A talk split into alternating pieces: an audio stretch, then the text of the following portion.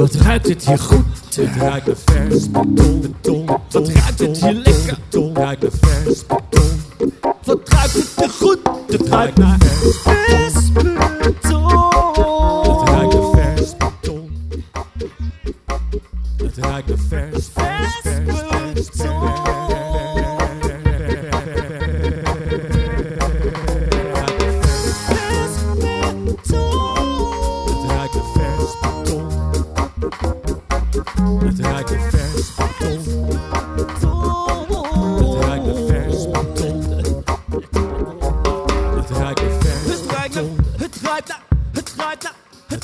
manifest.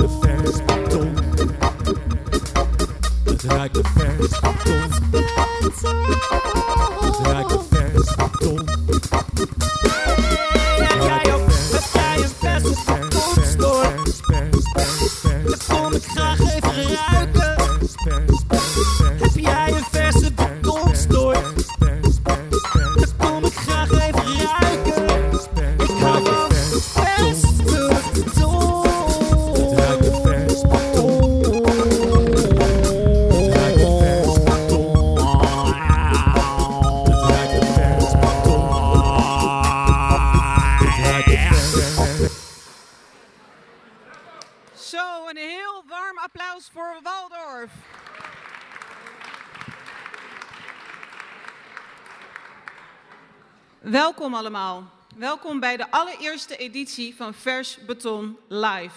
Ik ben Hasna Almaroudi. Ik zal jullie deze avond door, er doorheen loodsen. Ehm, maar allereerst wil ik graag het woord geven aan Vers Beton hoofdredacteur Eva Liuku.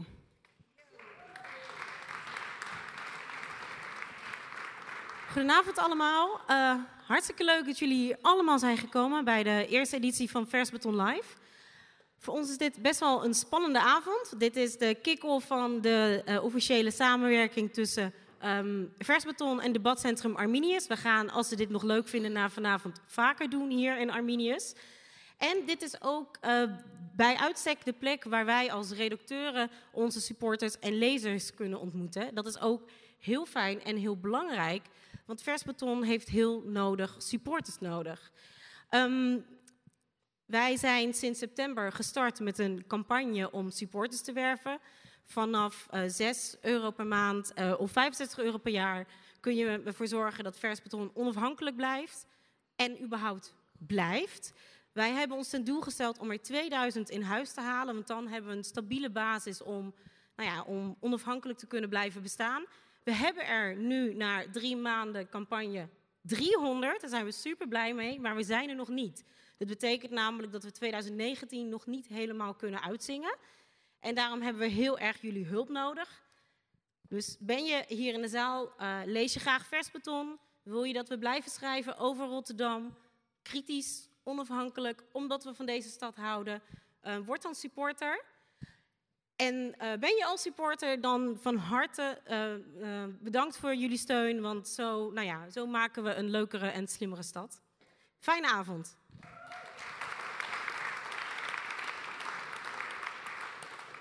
Nou, deze avond hebben we een hoop voor jullie in petto. Dus uh, ik hoop dat jullie uh, hier zitten met goed gevulde magen. Um, we gaan het onder andere hebben over de woonvisie en uh, nou ja, het slopen van woningen op Zuid. We gaan het ook hebben over wie of wat die echte Rotterdammer nu precies is. Ik voel me een echte Rotterdammer. Ik denk dat velen van jullie hier met mij zich echte Rotterdammers voelen. Maar wat betekent dat dan? En in waarin verschillen wij misschien ook van elkaar? En hoe ziet de gemeente een echte Rotterdammer? Um, we eindigen de avond met een, uh, een, interview met Shirin Moussa. Zij is voorvrouw en oprichter van de uh, organisatie FAMS for Freedom, een vrouwenrechtenorganisatie. En uh, nou, de hele avond wordt afgewisseld met muziek van Waldorf. Jullie hoorden ze net al, graag nog een kort applaus. Maar we beginnen allereerst met de beste stuurlui. De echte vers betonlezers weten natuurlijk al wat een, de beste stuurlui is. En ik wil graag Eva Liuko naar voren roepen, Sarah Lewis en Ferry Weda. Je bent inmiddels zo bekend, denk ik, bij iedereen dat het gewoon Ferry is. Uh, ferry met IE dan. Oh, sorry. Er zijn maar 87 ferries met IE in Nederland ooit uh, opgenomen, het bevolkingsregister. Maar dat geheel terzijde. Nou, om bij jou te blijven, uh, jij schreef een opinie op Vers Beton over Museum Boymans. Uh, het museum hier aan de overkant, dat uh, volgend jaar dicht gaat. Niet voor één jaar, niet voor twee jaar, niet voor drie jaar, voor zeven jaar. Omdat het uh, ja, platgegooid moet worden en er moet iets nieuws voor in de plaats komen. De kosten daarvan zijn geraamd op 223,5 miljoen euro. Weet jij wat de stand van zaken nu is?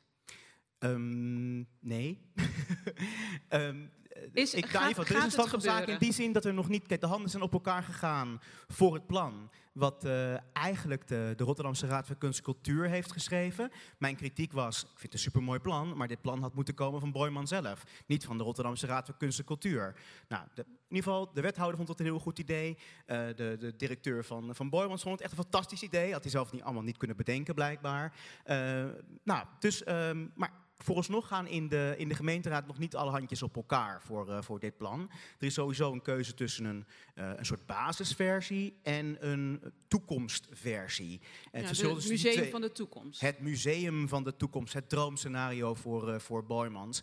Nou, het, volgens mij is er de volgende week wordt erover besloten in de, in de gemeenteraad. Zeg maar de laatste vergadering van het jaar. Ja.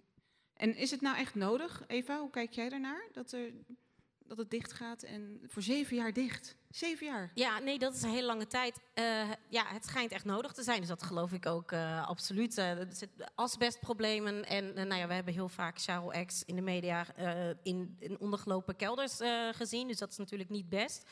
Um, wat ik heel opvallend vond, is aan die heel uitgebreide versie. Er was een soort ontwerpstudie um, bekendgemaakt voor de meest uitgebreide versie. En in dat, die ontwerpstudie is ook gewoon de hele nieuwe aanbouw, die hier aan de, waar we tegenaan kijken als we hier naar buiten lopen, uh, verdwenen. Maar die hele aanbouw is echt 15 jaar oud en heeft destijds 23 miljoen gekost. Ja, en die zijn nu alweer ja. weg moeten. Dat vond ik best wel een heel opmerkelijk uh, iets aan die studie. Ja, dat is uh, voortschrijdend inzicht. Ze hebben het eigenlijk, zijn erachter gekomen dat eigenlijk het gebouw in zijn originaliteit beter tot zijn recht kwam. Ja, om iets van 23,5 miljoen toch weer na 15 jaar af te breken, vind ik op zijn minst wel uh, nou ja, opvallend. Ja, en die ondergelopen kelders natuurlijk, daar met dat argument is dat depot er al doorheen gedrukt. Dus ja, dat is dan ook eigenlijk niet meer echt een argument, toch? Ik ben Om, echt. Uh, ik de heb kelders mezelf lopen nog steeds onder. Dus ik heb mezelf ontpopt als de depot-basher van, uh, van uh, Vers Beton in de afgelopen jaren. En ik wou bij een discussie die hier ook plaatsvond een paar weken geleden over dat plan van de RKC, wou ik niet te veel met dat depotscherm van hé, hey, jullie zijn alleen maar met het depot bezig geweest. Jullie hadden veel eerder kunnen aangeven dat het gebouw zelf ook, jullie hoofdgebouw, ook aangepast moet worden, moest worden. Maar de zakelijk directeur die kwam er toen ineens zelf mee met een verklaring als belangrijk argument. Ja, het depot moest gebouwd worden. Ik ja, wat nou moest gebouwd worden? Dat was jullie jullie prioriteit. Maar goed, al die kunstwerken die daar in die kelders lagen, die moesten inderdaad toch even ergens anders opgeslagen worden. Vandaar dat depot. Wat dat betreft denk ik dat Tara voor een groot deel wel gelijk heeft. Ehm, het volgende onderdeel is eh, de, de verbinding tussen, tussen eh, Noord en Zuid. Noord, Noord en Zuid. Ehm, ik kan me nog heel goed herinneren in 1996 dat de Erasmusbrug werd geopend. Ik ben van Zuid, ik kom van Zuid en dat was dan voor ons van Zuid ehm, de brug naar de toekomst, naar succes. En nu komt er misschien een nieuwe brug of misschien wel een tunnel. Het woord tunnel hoor ik niet zo heel vaak. Er is lang gesteggeld over, moet het in Oost, moet het in West? West lijkt ineens compleet van de baan te zijn. Oost is de keuze geworden. Maar wat moet er komen, een tunnel of een brug? Tada. Nou, ik denk, ik zou eigenlijk wel de optie die ik nog niet heb gehoord is een tunnel in West. Want volgens mij willen ze geen brug in West. Nou, we Ja, maar West ging toch niet meer West. door? Ja, precies. Maar dat was omdat het havenbedrijf eh, volgens mij eh, ja, dat liever niet wil eh, in verband met eh, Nou, de- scheepvaart. Het heel opmerkelijke was dat die hele optie over West is volgens mij vooral ter sprake gekomen toen iedereen het had over die Wereldexpo 2025. Dat is nu alweer vergeten, maar twee jaar geleden had iedereen het erover. Het zou komen, dat zou in Rotterdam-West komen, bij het Vierhavengebied. En moest die brug er komen. En nou, die expo is niet doorgegaan. En, ehm, en nou gaat ook in één keer, heeft niemand het meer over die Westverbinding. En ik denk ook dat, persoonlijk ben ik ook heel erg blij dat die gewoon naar Oost gaat. Ik denk dat het ook beter is. En ja, het vol- volgens mij is het verschil tussen een brug of tunnel ook heel erg geld. Dus een, brug het goedkoper en alleen een tunnel. De scheepvaart wil een tunnel, de bewoners van de wil- willen een tunnel. En met een tunnel kun je er ook een metro doorheen laten rijden. En dat is natuurlijk wel echt een groot voordeel. Als je met de Kralingse Zoom met de metro naar Zuidplein kunt, dan kunnen we echt, hebben we eindelijk een ring. Ja, en het zou Ja, natuurlijk wel super mooi zijn als die verbinding met Feyenoord City daarmee ook gemaakt zou kunnen worden met metro. Dat zou ik wel. Ik weet niet wat het prijsverschil is tussen die twee opties. Daar zal het natuurlijk ook wel aan. Een tunnel versus brug was vijf keer zo duur. Een tunnel is vijf keer zo duur als een brug. Dat is wel substantieel.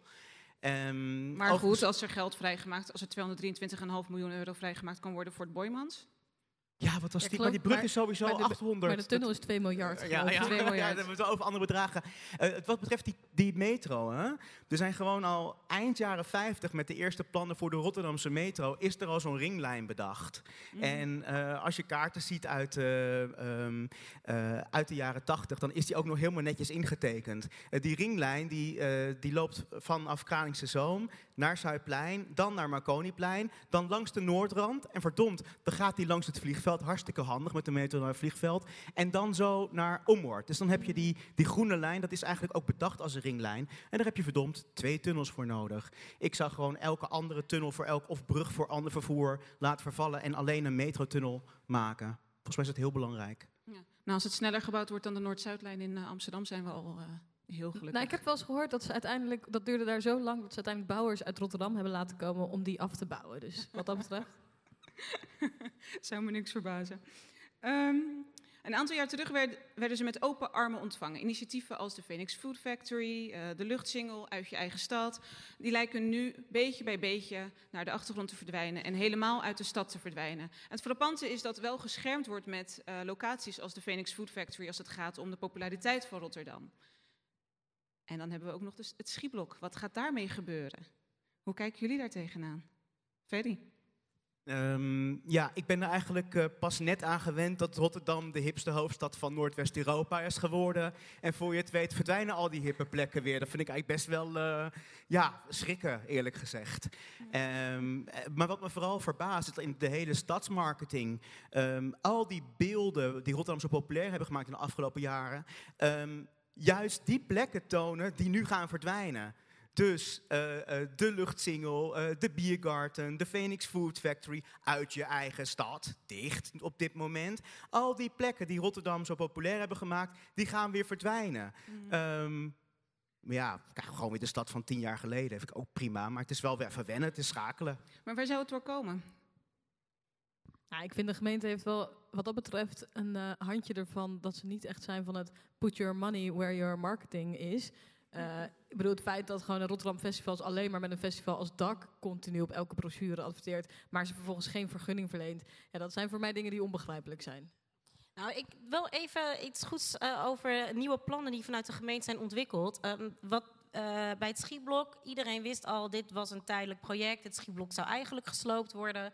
Eh, toen eh, is architectenbureau Zus, die daar al zat, heeft gezegd... jongens, mogen we niet nog een paar jaar blijven? Wij kunnen in de tussentijd hier wat van maken. Nou, dat is eigenlijk een ongekend groot succes geworden... waarvan ook niemand misschien had voorzien dat het zo succesvol zou worden. Een schieblok uh, met de Biergarten, Annabel erbij, nou, dat, uh, hiphophuis. Het is een ongelooflijk levendig gebied geworden. En iedereen was dan natuurlijk bang dat daar weer hetzelfde zou gaan gebeuren. Het grote geld komt, het vastgoed, alles moet vol met vierkante meters gestapeld worden. De gemeente um, Rotterdam heeft onlangs een um, ambitievisie gepresenteerd...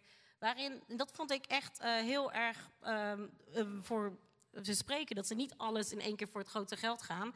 Uh, met behoud van die uh, oude wederopbouwpanden. Zodat de initiatieven die daar zitten ook zouden kunnen blijven. Dat ook de, het karakter van het gebied behouden kan worden. Maar ook één toren erbij van 150 meter.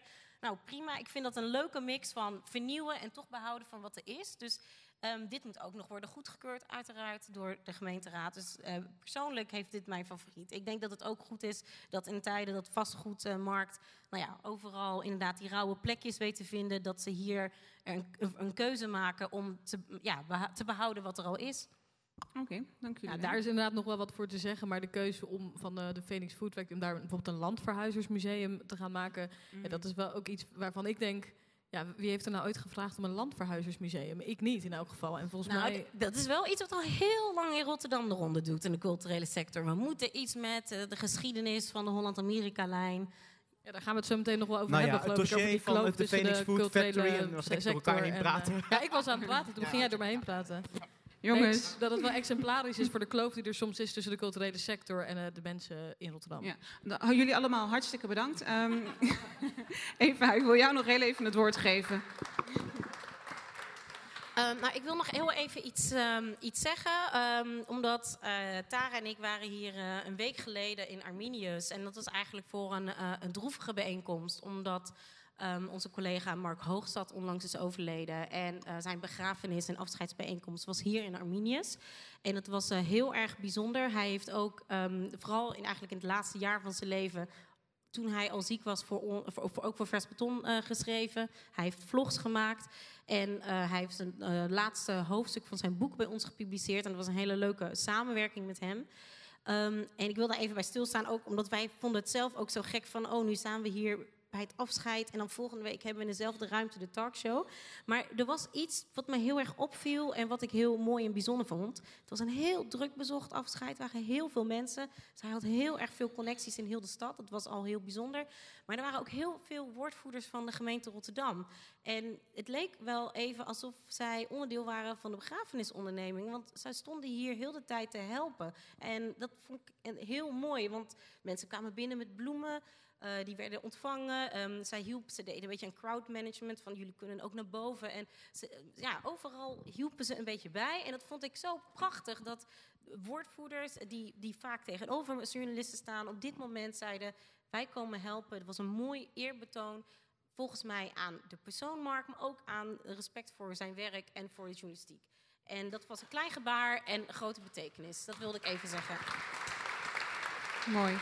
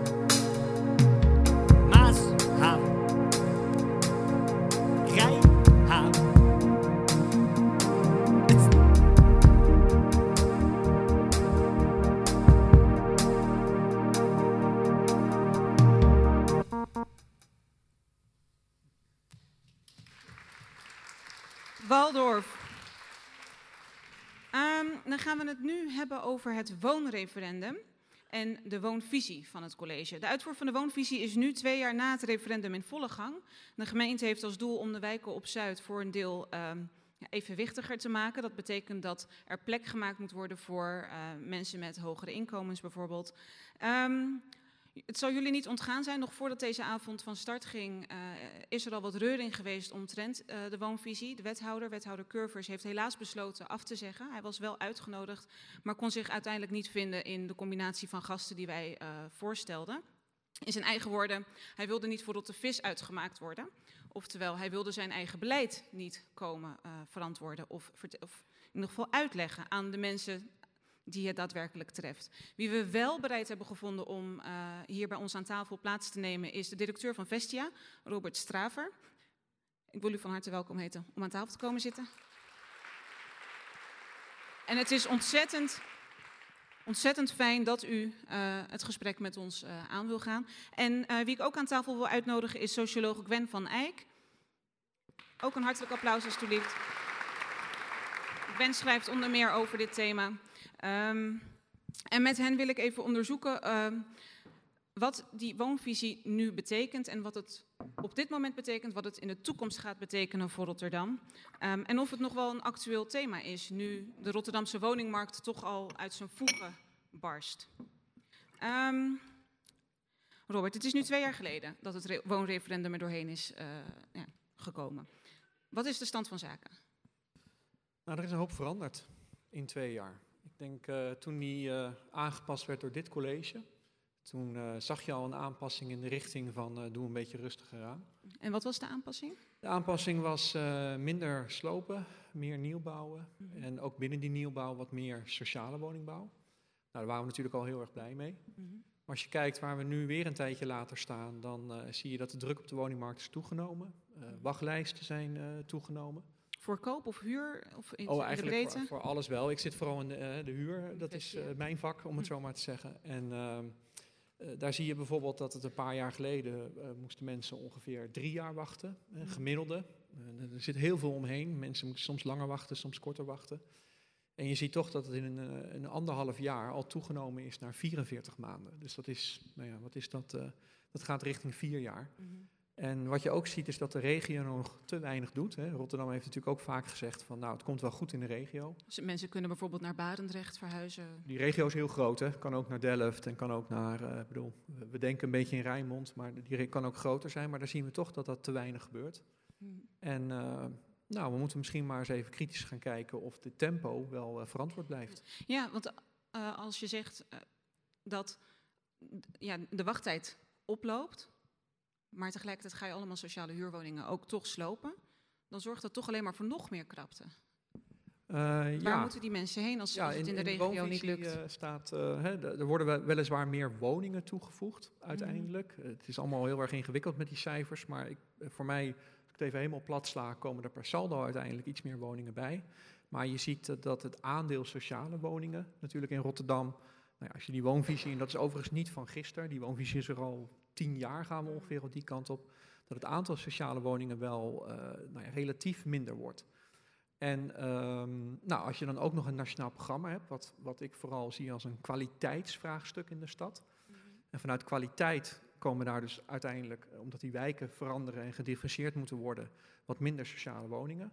Nou, dan werkt dat extra mee. Dus dan heb je op een gegeven moment ook een kwantiteitsvraagstuk. Van ja, waar komen dan, eh, als die marktdruk toeneemt, waar komen dan die nieuwe sociale woningen? ja, Nou, wij zijn er heel erg met de gemeente bezig van, jongens, eh, k- bouwen in de gebieden waar het wel kan, waar het verantwoord is, waar het goed is.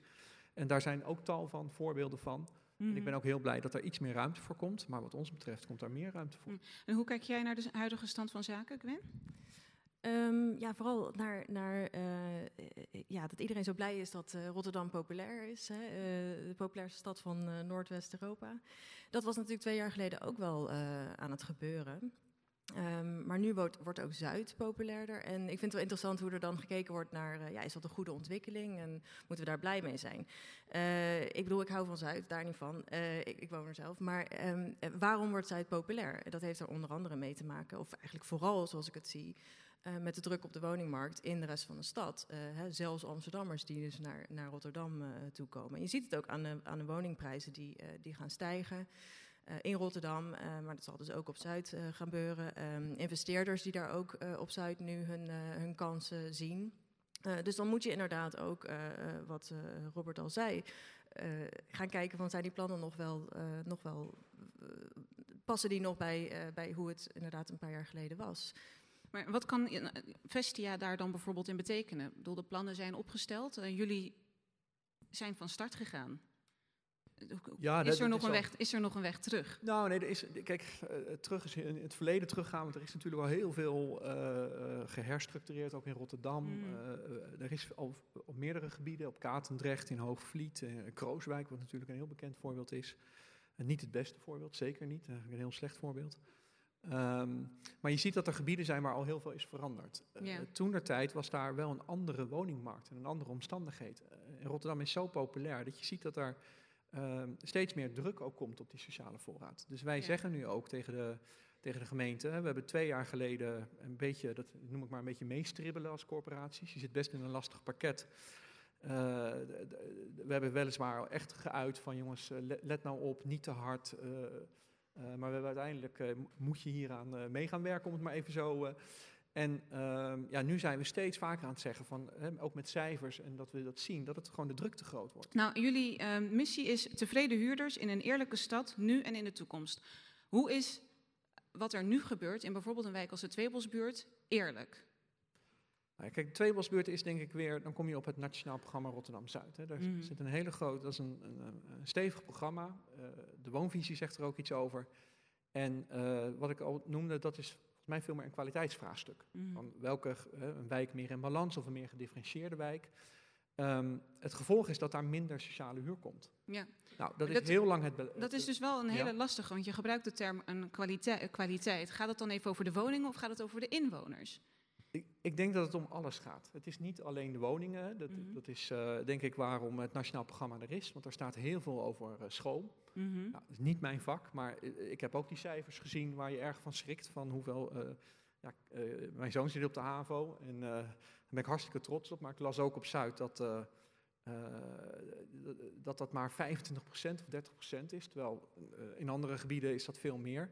Dus je weet dat Zuid heeft ook de aandacht vanwege een sociale agenda. Mm -hmm. Het is ook vanwege een inkomensagenda, uh, op het niveau van bijstand. En, en daar ben ik ontzettend blij mee dat daar zoveel in geïnvesteerd wordt. Maar we hebben ook gezegd in het nationaal programma dat er uiteindelijk ook in de woningvoorraad iets moet veranderen. Mm -hmm.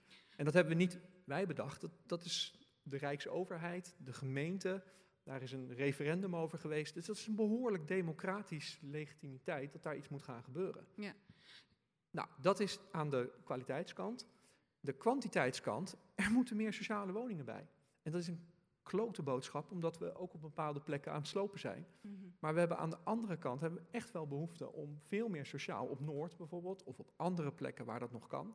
Nou, en daar zijn we ons steeds harder voor aan het maken, ja. want het gaat uh, druk worden op de markt, en te mm. druk. Um, Gwen, um, jij haalde net ook al het nationale programma aan. Jij schrijft er ook over en hoe hoe die twee zaken, zoals het sociale deel van um, opleidingen bijvoorbeeld, en zorgen dat men uh, binnen de, de wijken uh, door, kan, door kan stromen naar betere banen of hogere opleidingen.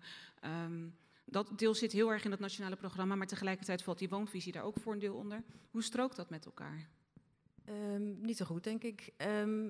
Kijk, dat nationaal programma, de investeringen uh, vooral in, in uh, betere woningen, natuurlijk hartstikke goed, uh, werk en opleiding. Maar dat doe je uiteindelijk voor die bewoners daar.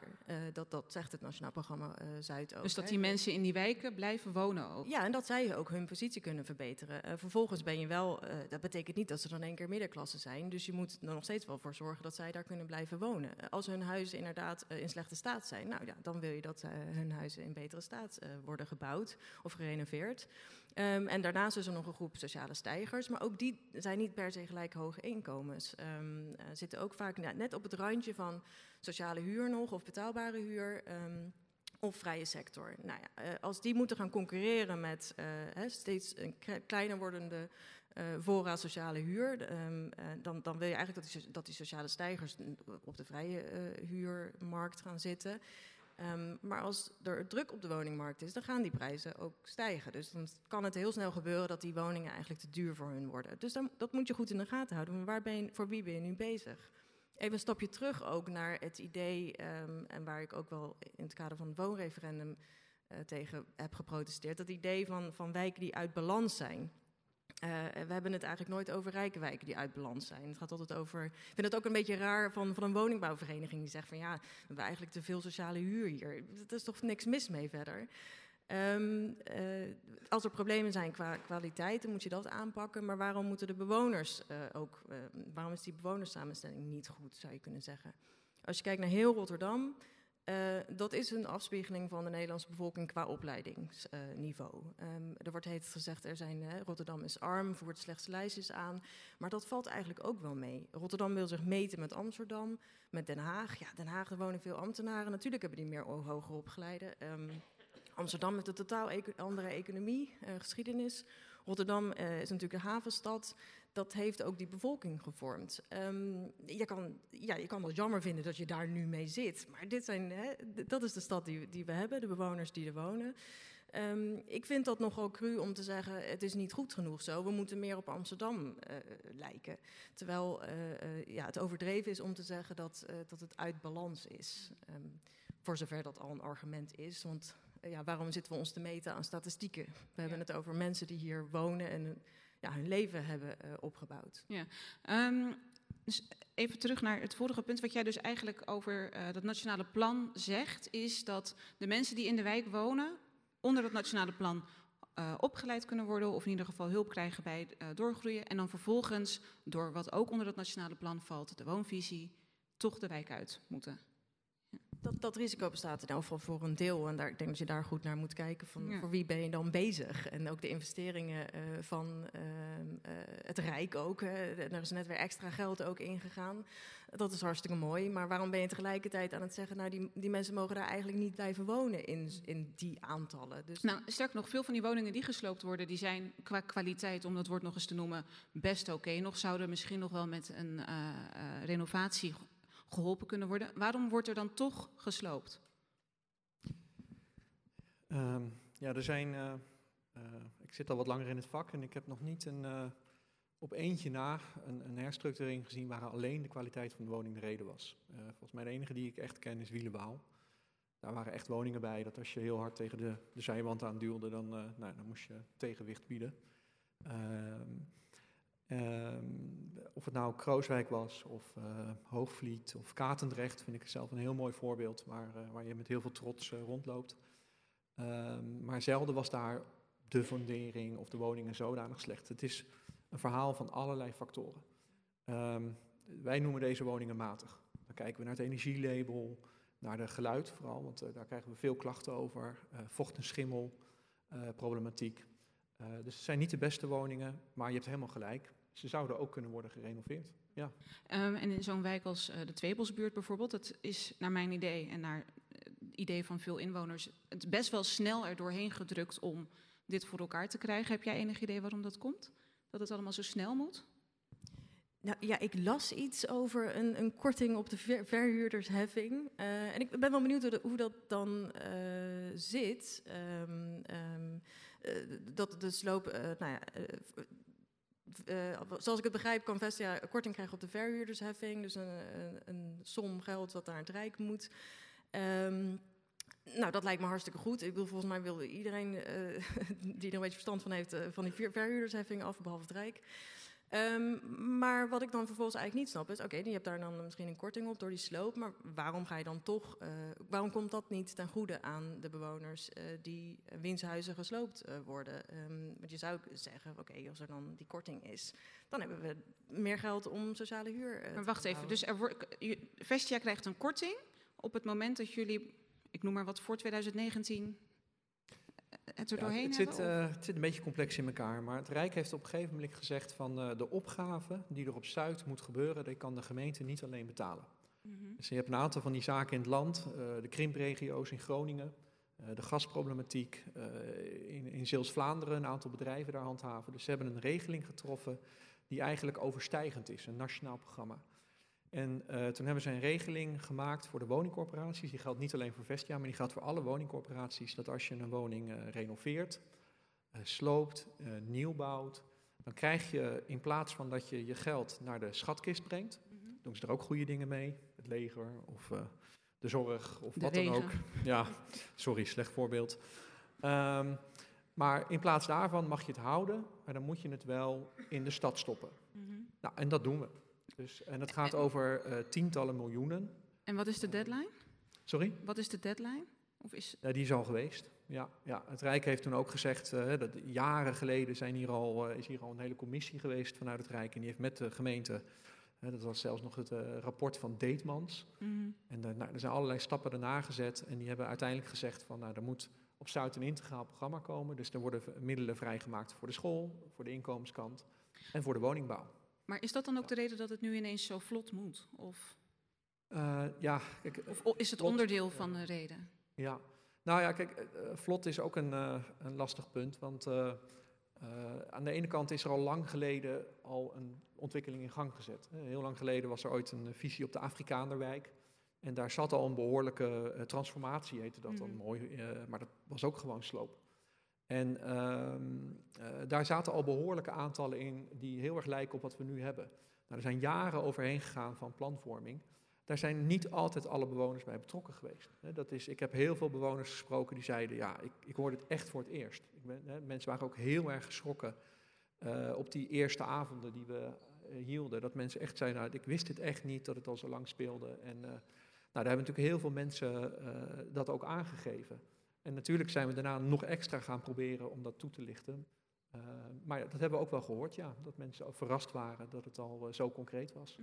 Ehm, ik weet, wat zijn jouw grootste zorgen voor eh, dit plan en de toekomst? Ehm, de grootste zorgen, maar die zijn er eigenlijk al vanaf, eh, ja, vanaf het, het- het- al, jaren van herstructurering hebben we natuurlijk al gehad. Het is niet eh, per se iets nieuws. Eh, dus de, zorgen dat de mensen die er nu eh, wonen, dat die weg moeten, terwijl ze eigenlijk niet weg moeten, onder het mom van er, er kunnen beter andere bewoners komen wonen. Vind ik een hele vervelende boodschap als je dat als stadsbestuur tegen bewoners zegt, alleen omdat ze een lage opleiding van laag inkomen hebben. Ik, ik snap die boodschap niet. Eh, er wordt nu nog een tandje bij eh, gezet met die, met die woonvisie. Ehm, goed, dat is tot, tot 2030. Ehm, maar eh, als je kijkt naar hoe dit soort ontwikkelingen gaan in andere steden, die populariteit en die stijging van die huizenprijzen die daarmee gepaard gaan, dat kan een beetje een eigen leven gaan leiden. Eh, dus ik De denk dat als- woningmarkt lost het eigenlijk al een beetje op. Eh, nou, het zou kunnen inderdaad dat, eh, dat de woningmarkt een deel van de plannen die het stadsbestuur graag ziet, zelf, daar zelf voor, voor gaat zorgen. Eh, ehm, dus dat je misschien als stadsbestuur niet zo hard zelf daarop moet gaan zitten sturen. Of dat je nu in elk geval moet zeggen, we we stellen, de plannen wat, wat bij. En ik denk ook dat je wel andere dingen kunt doen. Eh, bijvoorbeeld, eh, nou, door de Tweede Kamer is net een, plan afgeschoten om eh, huurbescherming uit te breiden naar ja, de vrije sector, hè, dus de iets duurdere woningen. Eh, Rotterdam wil eh, altijd graag experimenteren met eh, beleid eh, wat net over de grenzen van de wetten is. Ga daar dan mee experimenteren, zou ik eh, zeggen. En kijk hoe je ehm, eh, ja, die, die, die, die stijgingen van de woningprijzen toch enigszins in toom kan houden. ehm, zodat er ook plek is voor eh, de mensen in, in wie er geïnvesteerd wordt Mhm. eh, ook. Want anders ben je die straks ook nog de stad uit aan het duwen. En als de woningmarkt dit dus toch op een bepaalde manier al aan het oplossen is, eh, ook op Zuid, zie, zie jij dat eigenlijk al een beetje, dat die gentrificatie begint te spelen eh, op een ik hoorde net iets zeggen dat er best wel wat marktpartijen geïnteresseerd zijn. Nou, ehm, eh, ik, ik hoop heel erg dat dat waar is, maar ik, ik zie het niet. Eh, ik weet dat de gemeente ontzettend zijn best doet om eh, marktpartijen te verleiden, maar uiteindelijk willen die gewoon eh, geld verdienen. Mhm. En dat lukt ze onvoldoende. Dat lukt ze heel goed in Utrecht en Amsterdam. Dus daar gaan heel veel marktpartijen heen. Maar op Zuid, natuurlijk, her en der een uitzondering. Maar eh, het zijn toch vaak de corporaties die, eh, die nog aan het bouwen zijn, die aan het investeren zijn. Eh, enkele Toen particulieren. Investeerders noemde, noemde ik niet per se marktpartijen die heel veel Oh, positiefs inbrengen. ik had ja, het meer oh. op ja, het aasgierachtige eh, type Oh ja, zo'n type. Ja, ja, die zijn, die Nou, er schijnen te zijn. Ik, maar ja, er zijn ook nette marktpartijen hoor, maar dan moet je wel goed zoeken. Ehm, nee, het, het, is, ehm, het, is niet zo, het is niet zo dat het storm loopt op Zuid. Dus de, de markt, eh, en we zien het uit alle lijstjes, het wordt gewoon heel krap. En ik eh, hulde dat er wel eh, leden van de gemeenteraad komen, hè, in plaats van de wethouder. Niet in plaats van, maar dat jullie er wel zijn. En ehm, er liggen nog zoveel kansen om toe te voegen. Pompenburg, Schiebroek, Zestienhoven. Daar, daar kan de havensgebieden. Er zijn nog zoveel mogelijkheden om sociale woningbouw eh, toe te voegen. Ehm, en ik weet dat, dat, dat wij ook de partij zijn die op Tweebos echt een, een heel heftig besluit nemen. Dus het klinkt misschien, ik snap dat dat niet zo, eh, eh, dat dat misschien apart klinkt. Maar we staan er enorm voor dat ook die gebieden nu eh, eh, naar gekeken wordt. En dat er juist ook naar die woonvisie gekeken wordt. Van kijk nou eens wat er gebeurt in de markt. En misschien wel een tandje minder dan dat we, wat men nu aan het doen is. Ja, dan blijft het toch lastig wanneer je beseft dat eh, de sociale cohesie in zo'n wijk eh, voor een deel toch uit elkaar zal vallen op het moment dat je van 600 naar 130 sociale huurwoningen Ja, gaat. ja, ja. Dat zijn er toch wel heel veel mensen die moeten verhuizen. Ja, nou, er moeten er 600 verhuizen. Ja, Ja. ja. En ehm, kijk, we hebben best wel veel ervaring en, en met grote eh, bewegingen. En soms zijn dat eh 100 woningen. En ik heb ook wel eens aan 2000 woningen. Niet zelf, maar dat ik daar op een gegeven moment eens in ging eh, verdiepen. En ehm, wat je ziet is dat er eh, ongeveer de helft ook blij is. Ik heb ook heel veel bewoners gesproken en niet blij, van, eh, blij dat de, de, woning van de buurman wordt gesloopt, want die is daar heel erg gehecht. Maar die zijn best blij van, ah, ik krijg nu urgentie, ik kan op de woningmarkt een goede woning vinden. Maar ik denk dat er ook een ander deel is die enorm gehecht is in de wijk. Mhm. En, en mensen met, eh, of met mantelzorgrelaties of die er 60 jaar wonen. Ja, voor hen is het niet goed te praten. Is niet, niet te Nee. zeggen van het komt wel goed. En het zijn maar we vaak, hopen ook, wel. het zijn vaak ja. ook wel mensen die, eh, die in een situatie zitten, ehm, die vaker al te horen hebben gekregen dat ze eigenlijk niet helemaal erbij horen. eh, die financieel misschien zich ja, het niet makkelijk hebben. Ehm, dus er zijn van allerlei factoren die mee kunnen spelen. En dan wordt hen ook nog eens verteld door de gemeente. Ja, jullie zijn ook hier in deze wijk eigenlijk niet welkom. Nou, ja, dat wil ik toch even nuanceren. Eh, ik heb ze jullie net geloofd, maar er is natuurlijk ook wel veel, toch een beetje te veel angst verspreid. Ik heb ook een aantal gemeenteraadsleden het woord horen nemen en die begonnen van eh, iedereen wordt de stad uitgestuurd. Ja, sorry, maar dan ben je gewoon angst aan het zaaien. Dan ben je niet feitelijk bezig. Want waar dus gaan ze dan heen? Het is een heel ingrijpend besluit, maar er zijn ook gewoon eh, procedures en regels hiervoor die gewoon heel zorgvuldig zijn. Dat we gaan kijken van eh, wie kunnen er in de buurt blijven, hoeveel woningen komen er in de buurt, hoeveel mensen kunnen terugkeren naar de nieuwbouw in het blok. Eh, d- het is een heel zorgvuldig proces waarbij er uiteindelijk ook veel mensen eh, in Feyenoord, in Charloes, er zijn ook mensen die buiten de regio, omdat ze dat graag willen. Maar eh, het, beeld creëren van mensen worden de stad uitgejaagd, dat vind ik gewoon onverantwoordelijk. Dan, dan ben je ook niet eerlijk naar mensen toe en vergroot je misschien zelfs wel de zorgen van mensen. Dus je zegt in feite, veel mensen kunnen in de buurt terugkomen. Misschien niet de Tweebosbuurt zelf, maar in ieder geval in de regio. We gaan daar alles op alles zetten Ja. om hen. Dat is ons vak. We zijn met de andere woningcorporaties. We zijn nu al aan het kijken grote woningen voor mensen met eh, veel kinderen. eh, mensen mantelzorg. Ik, fantastisch dat die motie is aangenomen. Daar hadden we wat mij betreft best wat meer moties nog her en der. eh, eh, dat, dat is juist. Kijk, en dat neemt het besluit niet weg. Hè. Ik, ik zag net een, een mevrouw daar zitten. Die, nou ja, die, die, ik kan niet zeggen, u komt precies in uwzelfde woning. En dat doet pijn. Maar het is wel ons vak om daarna dat proces zo goed mogelijk te doen. Eh, Ik ben, ik, jij huivert een beetje voor eh, die diversificatie van de wijk. Dus dat het allemaal anders moet en dat er van alles nog wat door elkaar heen ehm, moet. Of dat de echte oude Rotterdammer weg moet uit eh, zijn wijk. Wat is er eigenlijk op tegen om, om zo'n wijk ja, weer in balans te brengen? Ik heb er niks op tegen als eh, wijken gemengd zijn. Eh, het mag zo gemengd zijn als, dat, als, eh, als het kan. Maar ehm, je hebt ermee te maken dat mensen al ergens wonen. En dat je ze aan het dwingen bent om te verhuizen. Zo'n, het is goed, ze krijgen een urgentieverklaring, maar het is niet dat ze daarmee ehm, echt heel veel keuze hebben. Dus dat, ja, dat is een halve goedmaker misschien. Maar goed, die gentrificatie, heeft die ook goede kanten? Dat is Ehm, heeft gentrificatie goede kanten? Ja, dat hangt er een beetje vanaf eh, aan welke kant je, je staat. Eh, eh, heel veel mensen zullen zeggen dat de buurten er enorm van opknappen. Ehm, maar ik denk dat het, belangrijkste reden misschien om, om, om te zorgen dat buurten gemengd zijn, is omdat er enorm stigma kleeft aan eh, te veel arme eh, huishoudens bij elkaar. Dat stigma hoeft er niet te zijn. Dat is iets wat, wat wij als samenleving eh, bedenken en communiceren naar elkaar. Het stadsbestuur doet daaraan mee. En dat is waar ook waar de boodschap vandaan komt. We jagen mensen de stad uit. Je zegt in feite wel, bepaalde groepen zijn minder welkom. En die willen we gewoon minder hier hebben. Lage inkomens, laag eh, opgeleid, willen minder hier hebben. En we willen liever meer hoger opgeleide, succesvolle, kansrijke, sterke schouders. En weet ik wel wat voor termen er allemaal zijn bedacht. Dat, dat, die boodschap is, is, ehm, eh, is heel bedenkelijk. Ehm, en je zou ook kunnen denken. ehm, Probeer daar eens wat aan te doen en probeer zoveel mogelijk te investeren in de levens van mensen, eh, zodat ze een goed leven kunnen leiden zoals ze dat ehm, eh, willen. Maar hou op met die boodschap dat het zo problematisch eh, zou zijn. Mensen kunnen er ook niks aan doen dat ze geen geld hebben. Dat ligt aan heel veel factoren, werkgelegenheid, lage lonen, et cetera, te hoge huren. Dus dat is een probleem volgens mij. Dan wil ik jullie bij deze allebei hartelijk bedanken. We gaan het allemaal volgen en nou we zullen gaan meemaken wat het eh, voor Zuid gaat betekenen. Dank Dankjewel. jullie wel.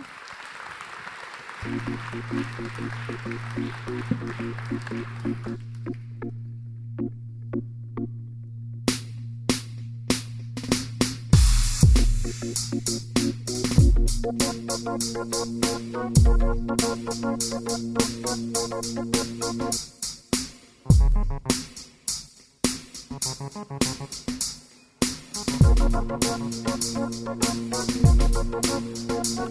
hey.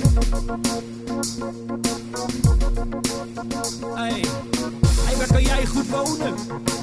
Hey, yo, waar woon je goed? Hey, yo, kan jij goed wonen, man? Hey, waar woon je goed? Kun je mij het leren? Hoe ik wonen moet? Waar kan jij goed wonen? Hey, yo, waar woon je goed? Ik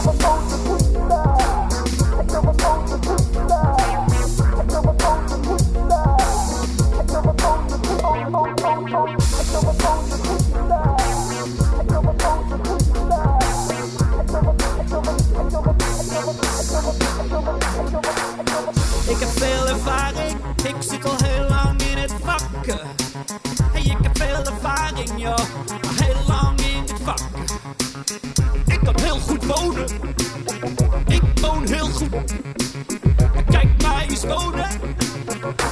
goed. eh.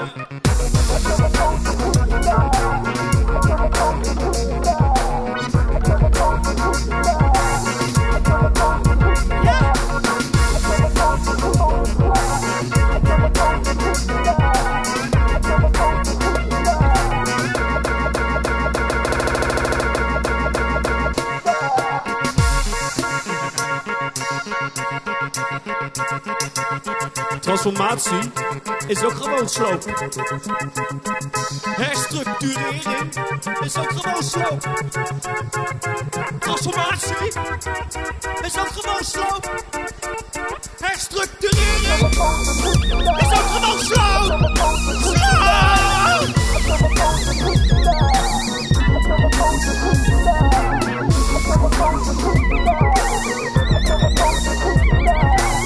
Kijk mij eens wonen doorgewone goed. Kijk mij nou wonen. Ik woon goed. Kijk mij eens wonen. Yo, we woon ik goed. Kijk mij nou wonen.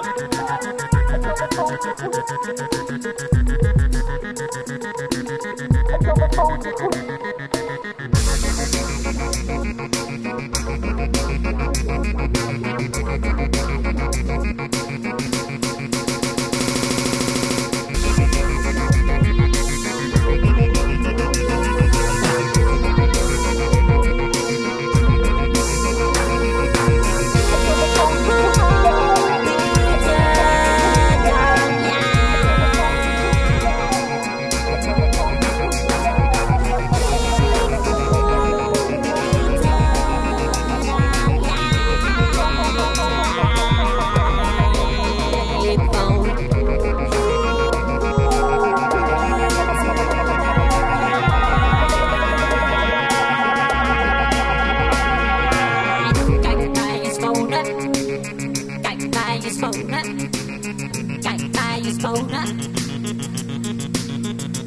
Gewoon goed.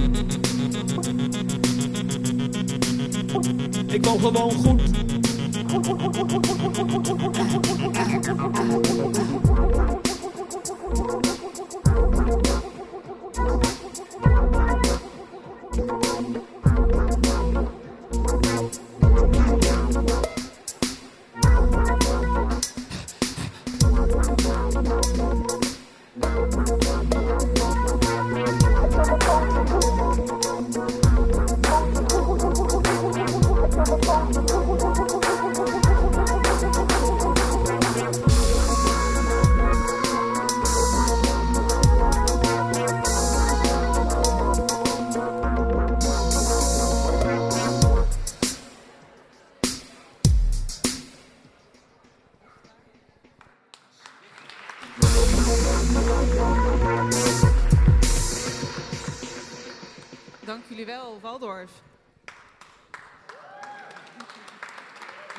inderdaad wel even wat harder nog. Ehm, voor het volgende onderdeel wil ik vast Tina Rahimi, Malik Mohammed en Marianne Klerk naar voren roepen. We gaan het namelijk hebben over de Rotterdamse identiteit. Neem plaats. Maar voordat ik met jullie het gesprek aan wil gaan, ehm, wil ik in het publiek. ehm, oh, ja, ik wil jullie ook wat vragen. We hebben het dus over de Rotterdamse identiteit. Maar wat is nou typisch Rotterdams volgens jullie?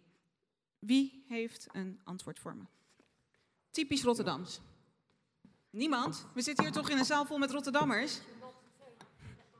De natte thee. De natte thee. Wat nog meer? Is het belangrijk? Het is een eh, vraag waar ik graag antwoord op wil, ja. Ik ook zeggen dat ik het niet erg belangrijk vind. U vindt het niet belangrijk wat typisch Rotterdams is? Nee, prima. Maar ik stel wel de vraag, want waar gaan we het nu wel over hebben? Eh, directheid. Dat eh, geloof ik dat ik dat heb laten horen. Weet jij wat typisch Rotterdams is? Ik zou zeggen de betrokkenheid van de mensen die hier wonen. Iedereen in deze stad maakt de stad en eh, heeft oog voor elkaar. Dat is wat mij opvalt. Mooi gesproken. Nog een laatste van iemand? Hier. Ja, ik denk dat het eh, in het DNA van ons Rotterdammers zit om eh, altijd voortdurend te kankeren en te zeiken over deze stad. Maar ik, ik wil eh, eh, een, een paar zinnen aanhalen van een prachtig eh, liedje van, van Gerard Cox, Joke Bruis en Litouwers. Ben je in Rotterdam geboren? eh, dan, of Noordplein of Katendrecht, dan kan je van geen vreemde horen dat hij van Rotterdam wat zegt. En ik denk dat dat precies de kern raakt van ons Rotterdammers. Zeker, een hartelijk applaus voor deze.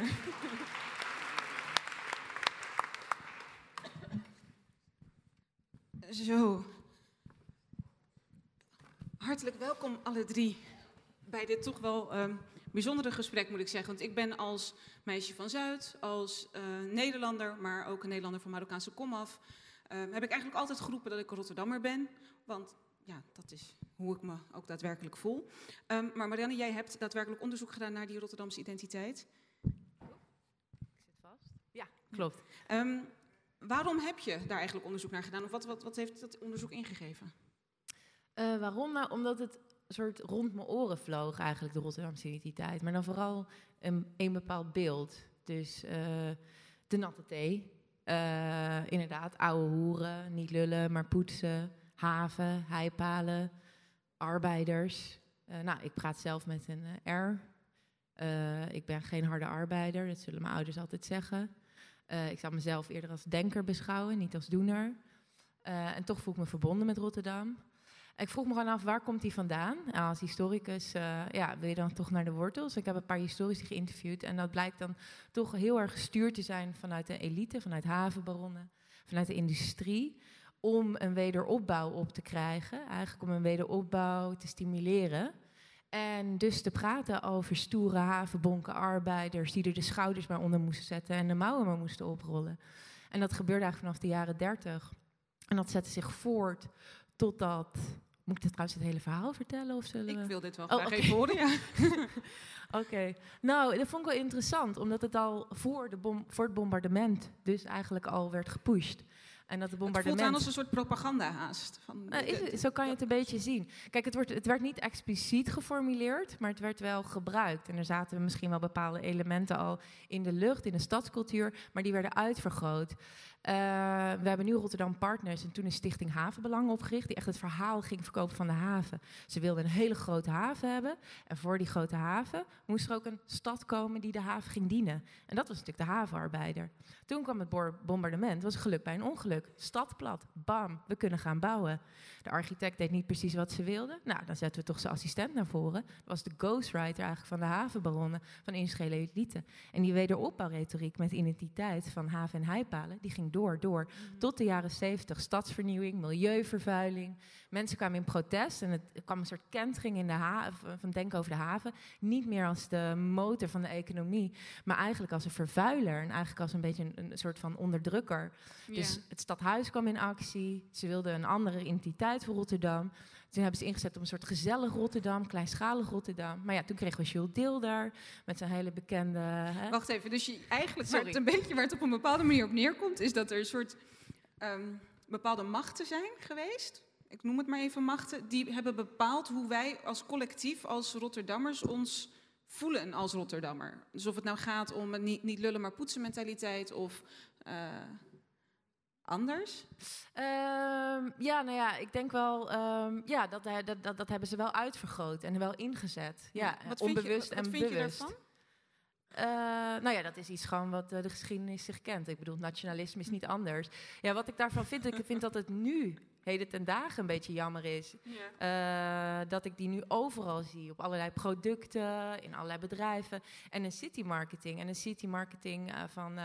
ja, bijvoorbeeld eh, een tablesbuurt ook waar even de sterke schouders onder moesten. Of het sterke schoudersprogramma zelfs, dat hoge opgeleide moet, dat hoge opgeleide moet trekken naar de, naar de stad, naar de Ja. City Lounge. Die, waar ook deze identiteit wordt gebruikt, maar waar dus mensen wel worden uitgezet. Nou, dat vind ik wel best wel, eh, daar mogen we kritisch op zijn in ieder geval, ja. Malik, herken jij dat verhaal? Of kende je het verhaal ook al over Ja. hoe bepaalde machten Toe- een soort... Toevallig had ik, ehm, eh, ik heb de, de eer gehad om tijdens de architectuurbiennale ehm, eh, in Venetië in het Nederlands pavil- paviljoen een lezing te geven. En dat ging ook over dat eh, wederopbouwverhaal. En het feit dat we ehm, vastzitten in dat enkelvoudige narratief van het bombardement en de wederopbouw. En dat eh, havenbaronnen eigenlijk een, een, een de stad hebben vermaakt tot machine en de arbeider daarbij nodig hadden om die wederopbouwspirit ehm, eh, eh, centraal te stellen. Ehm, wat op zichzelf interessant is, maar wat het in mijn beleving interessanter maakt, is dat ehm, ten tijde van die wederopbouw ook eh, de onafhankelijkheidsgolf van voormalige koloniën heeft eh, plaatsvond. Ja. En je zou kunnen zeggen dat eh, de, de stad Rotterdam met eh, zoveel verschillende nationaliteiten. Hoeveel zijn het er inmiddels? 206. Ik heb vandaag nog geteld. Dus ik, Gevinkt. regelmatig hou ik dat allemaal bij. Ehm, maar het is eigenlijk een, een, een mirakel, een erfenis is van 400 jaar kolonialisme. Ehm, en dat het verhaal van die postkoloniale stad en ehm, eh, dat daar geen ruimte voor blijkt, want het trauma van, van de, eh, het bombardement en de wederopbouw eh, ehm, heeft alle ruimte op, eist alle ruimte op en is eigenlijk het enige verhaal waar langs je de stad kunt lezen en ehm, de Rotterdammer zijn of haar of haar of zijn identiteit kan vormen. Wat voor soort verhaal zou jij eh, ook, waar, waar zou jij ook de ruimte voor willen hebben? Want je Ja. kunt dat wel zo stellen, maar ik ja, denk dan, kijk, ja, in principe. ehm, ehm, als wat- het gaat, wat- want als het ja, gaat om gemeenschappelijkheid, Ja, hè? gemeenschappelijkheid. Ik, ik vind dat. Dat wat, wat eh, architect Arne Matschkic vaak zegt, ehm, eh, dat verwoeste steden, eh, dat Rotterdam, omdat het een verwoeste stad is, verbonden is met eh, honderden eh, draadjes met andere verwoeste steden. Ik denk dat dat trauma een aanknopingspunt kan zijn voor eh, andere trauma's. Eh, ehm, eh, ik kom zelf uit Somalië, eh, ook uit Hargeisa. Ook een stad die eh, volledig gebombardeerd eh, was. Ehm, en zo zijn er een hoop verschillende eh, migrantengemeenschappen, diasporische gemeenschappen, die hier eh, hun thuis hebben weten te vinden, of hun thuis hebben gevonden in de stad. Maakt dat Ehm, deze stad ook misschien herkenbaar, extra herkenbaar? Ja, ik, ik denk, ja, eh, ehm, als het zo is, dan is het op een onbewuste manier. Maar ik denk dat de, eh, de stad als machine voor emancipatie, maar ook een machine voor traumaverwerking, als een machine voor, van traumaverwerking kan optreden. Ehm, ook een interessante manier is om die stad te lezen. Maar de politiek van die traumaverwerking is op zichzelf ook weer minstens zo eh, interessant. Mhm. Ik wilde zeggen irritant, maar dat ik wil zeggen interessant. Dus in feite zou er meer ruimte moeten komen ook voor de verhalen van die nou ja, super diverse stad, om het woord maar even te gebruiken. Het woord waar jij geloof ik niet zo heel Prachtig erg veel woord. mee hebt. Zijn er verhalen waarvan jij denkt, daar moet ruimte voor gemaakt worden? Ehm, wacht even. Eh, in, in Rotterdam bedoel Ja. je? Ja. Die bepalend Ehm, kunnen zijn voor de Rotterdamse identiteit. Die bepalend zijn. ja, kijk, ik heb niet alleen moeite met het woord eh, superdiversiteit, maar ik heb gewoon moeite met het woord identiteit. Waarom? En dat zit ook in superdiversiteit. Die eh, baseert zich toch. Kijk, als je over identiteit hebt, hè, en we hebben het vanavond meegemaakt, jullie kaarten het ook aan. Als je het over identiteit hebt, dan je, er gingen ook mensen langs. U zei, het interesseert me niet. Dat was een heel mooi antwoord. Dan wil je eh, één ding pakken, alsof dat een stad een dingetje is. En dan kan je zeggen, zo, een glas. Stad is geen glas. Die heeft niet één woord. Eh, en Malik die zegt het. Eh, er is een enorme geschiedenis van eh, eh, opkomen voor arbeidersrechten en dat soort dingen. Maar dat is dan weer bepaald door, hè, door rijke mensen, door de baronnen. Dat zeg jij dan. Heeft een koloniale geschiedenis. Een stad is heel een eigenzinnige mix. En wat Rotterdam heel erg eigenzinnig maakt, niet de identiteit, is enorm veel tegenstellingen. En ik bedoel niet strijd en ik bedoel niet polarisatie, maar ook grappige dingen. Eh, Rotterdammers zijn altijd boos als een nieuw kunstwerk komt. Maar als er een kunstwerk er is, dan moet je met je poten vanaf blijven. Dat is Rotterdam. Eh, Rotterdam staat als een harde stad. Ook de geschiedenis die jij noemt, toch als je begin jaren negentig naar eh, Nederland kwam, dan zei iedereen tegen je: ga naar Rotterdam, want dat is de liefste, liefste stad voor vluchtelingen. Dus Rotterdam heeft heel veel verschillende kanten, heel veel wedst- eh, st- strijd, strijdige dingen binnen elkaar. We hebben het net over de mix van Rotterdam gehad. Hè? Eh, wijken moeten mixen. Ik weet dat ik eh, denk 15, 20 jaar geleden, zo oud ben ik dan, er waren een paar Amsterdammers naar Rotterdam gekomen. Om hier te wonen of om te Nee. kijken? Toen wilden ze nog niet hier wonen. En ehm het ging over een eh, grote kunstproject en dat soort dingen. En toen zaten wij Kruiskade en eh, toen keken ze om zich heen. En toen zeiden ze, zo, dat is gaaf. Ik zeg, wat is gaaf? Wat voor mij heel normaal was, waarschijnlijk voor jou ook, voor jou ook. Zeiden ze, het is heel erg gemixt. En dat bedoelden ze niet etniciteit en huiskleur.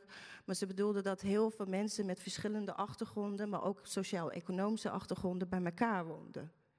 En nu hebben we het weer over mix. Rotterdam was altijd gemixt. Alle wijken waren gemixt. We willen nu een andere mix, die eigenlijk de vorige mix tegenspreekt.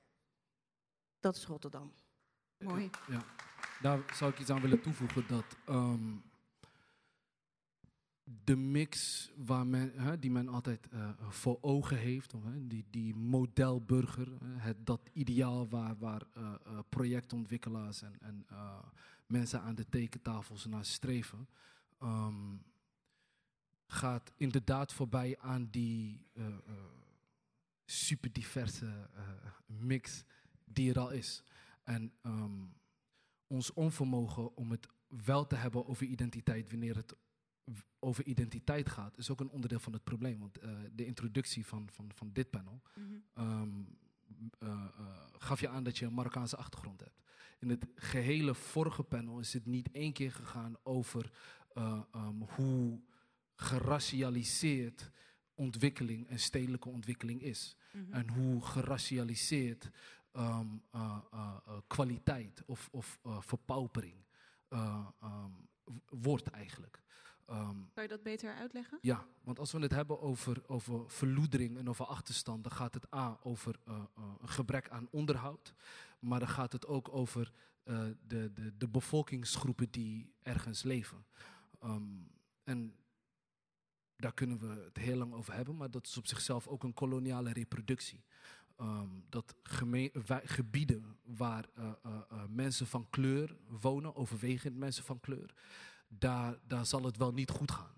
En omdat daar ook niet in geïnvesteerd wordt en, en de verloedering dus ook in het straatbeeld zichtbaar wordt, dat er minder onderhoud gepleegd wordt, is creëert die self-fulfilling prophecy van ja, moet je zien, Dus die mensen je- zijn niet in staat om zichzelf. eh, Wat je in eh, feite te zegt is dat er aan die tekentafel al nagedacht wordt over hè, wat, wat is, waar moeten we heen of waar moet het naartoe. En die mensen worden ofwel vergeten ofwel. eh, Maar mag ik, Niet mag als ik daar wat aan prioriteit toevoegen dan? Want Ja. als je dus naar die city marketing kijkt, dat zei Margriet van den Berg dus. Ja. Ze zei, oh, maar ik hoef helemaal niet diepgravend onderzoek te doen over wie gemeente Rotterdam wil dat er woont in de City Lounge. Het gaat niet alleen over Zuid, het gaat over heel Rotterdam. Mm. Dat zijn gewoon hoogopgeleide witte burgers. Ik heb vandaag even gekeken naar het programma van de gemeente Sterke Schouders. Weer die mentaliteit die erin komt, die identiteit. Dat gaat over hoogopgeleide. Wat zijn de doelgroepen? Young professionals, studenten, terugkeerders. Dus de mensen die vroeger zijn verhuisd, zijn gevlucht. Maar waar hebben we het allemaal over? We weten donders goed waar we het over hebben. Want, Sterke hè? schouders is een eufemisme natuurlijk. Hè? Want de, de, Ja, complexion, de kleur van die sterke schouders wordt vaak buiten beschouwing gelaten. Mhm. Ja, en in Amerika, als je dus over gentrificering praat, dan praat, het, praat je wel vaak over het zwart versus wit. En in, in Nederland hebben we het toch meer over het sociaal-economische. En soms moet je ook inderdaad benoemen, juist wat er niet wordt gezegd. En dan is identiteit wel een goede. Maar ik vind dat nu een identiteit, zo'n nauw identiteit, wordt Ja. doorgedrukt voor gentrificering.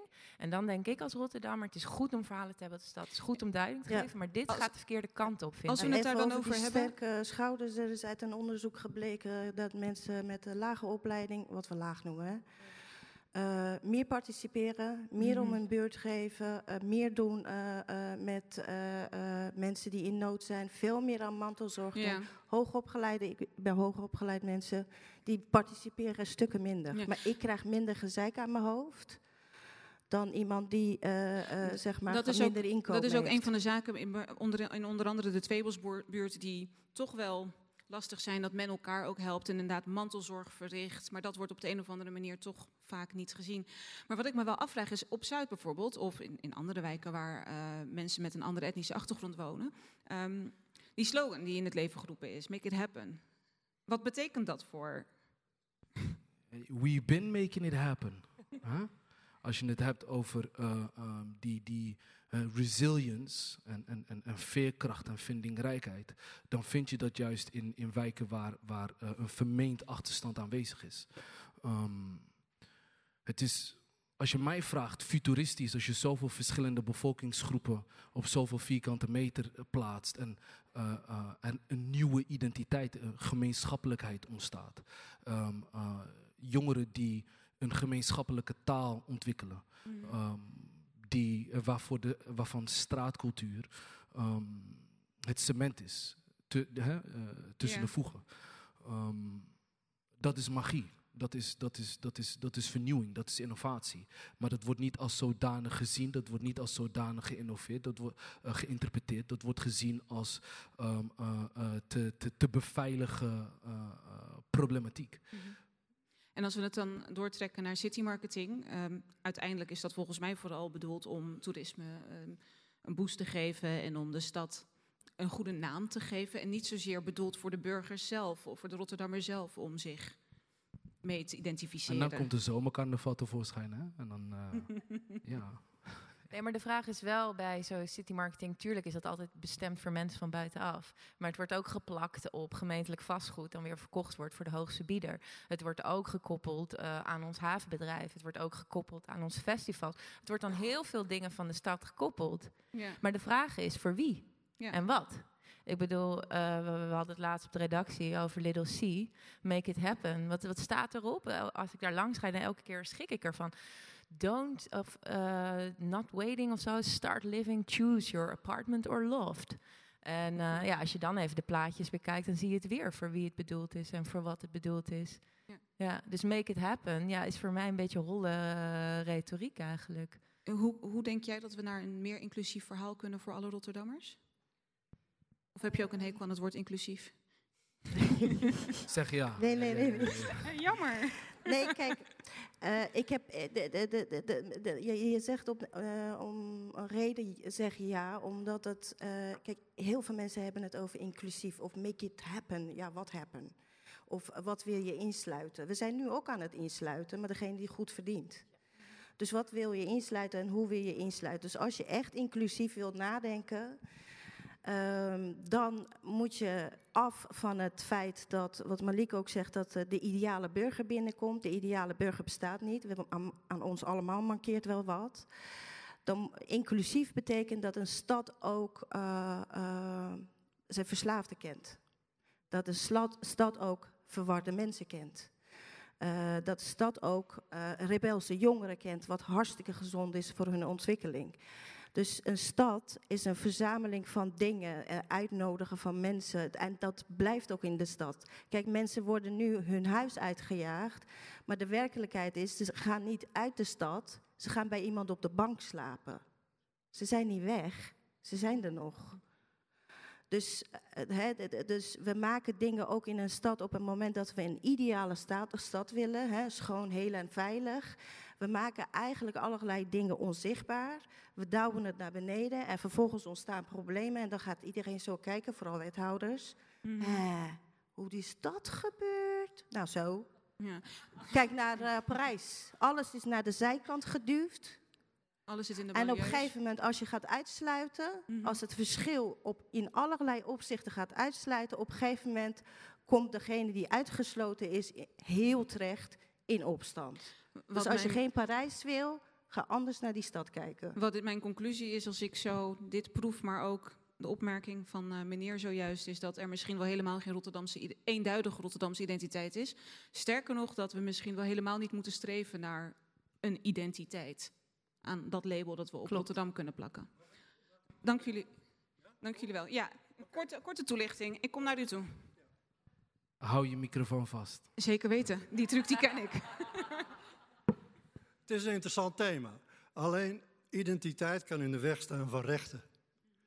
Als we de thema's van voor de pauze en na de pauze met elkaar verbinden, zou mijn vraag zijn: zou er een verband zijn tussen het feit dat die mensen moeten verhuizen uit de Tweebos en dat ze merendeels van Marokkaanse komaf zijn? Dat is één vraag. En het tweede punt is een stelling.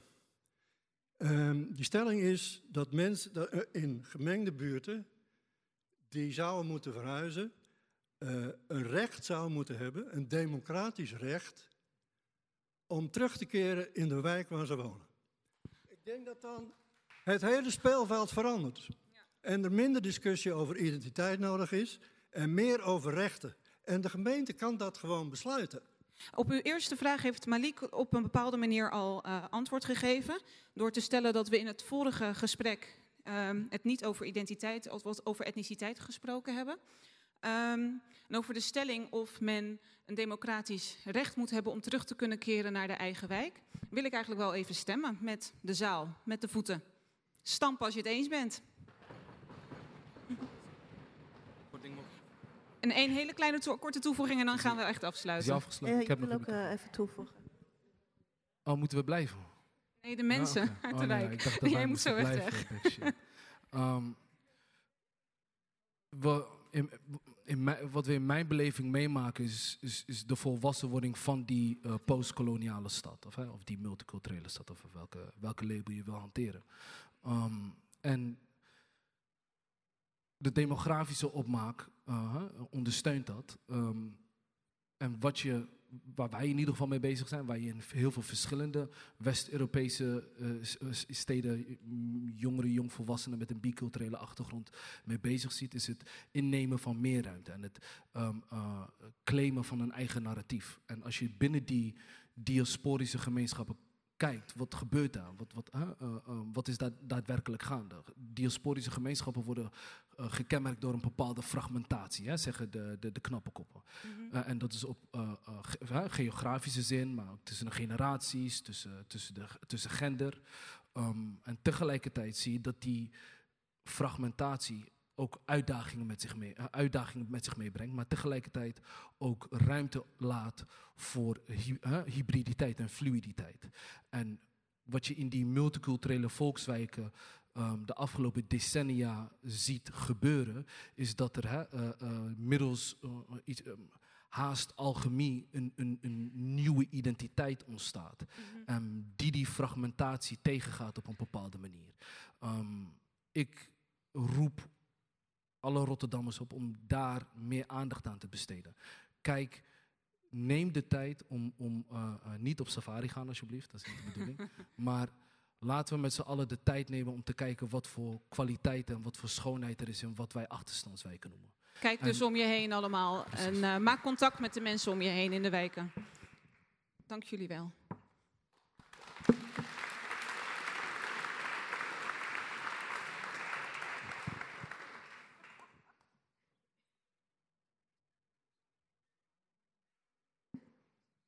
Dan wil ik nu naar voren roepen Shirin Moussa van Femmes for Freedom.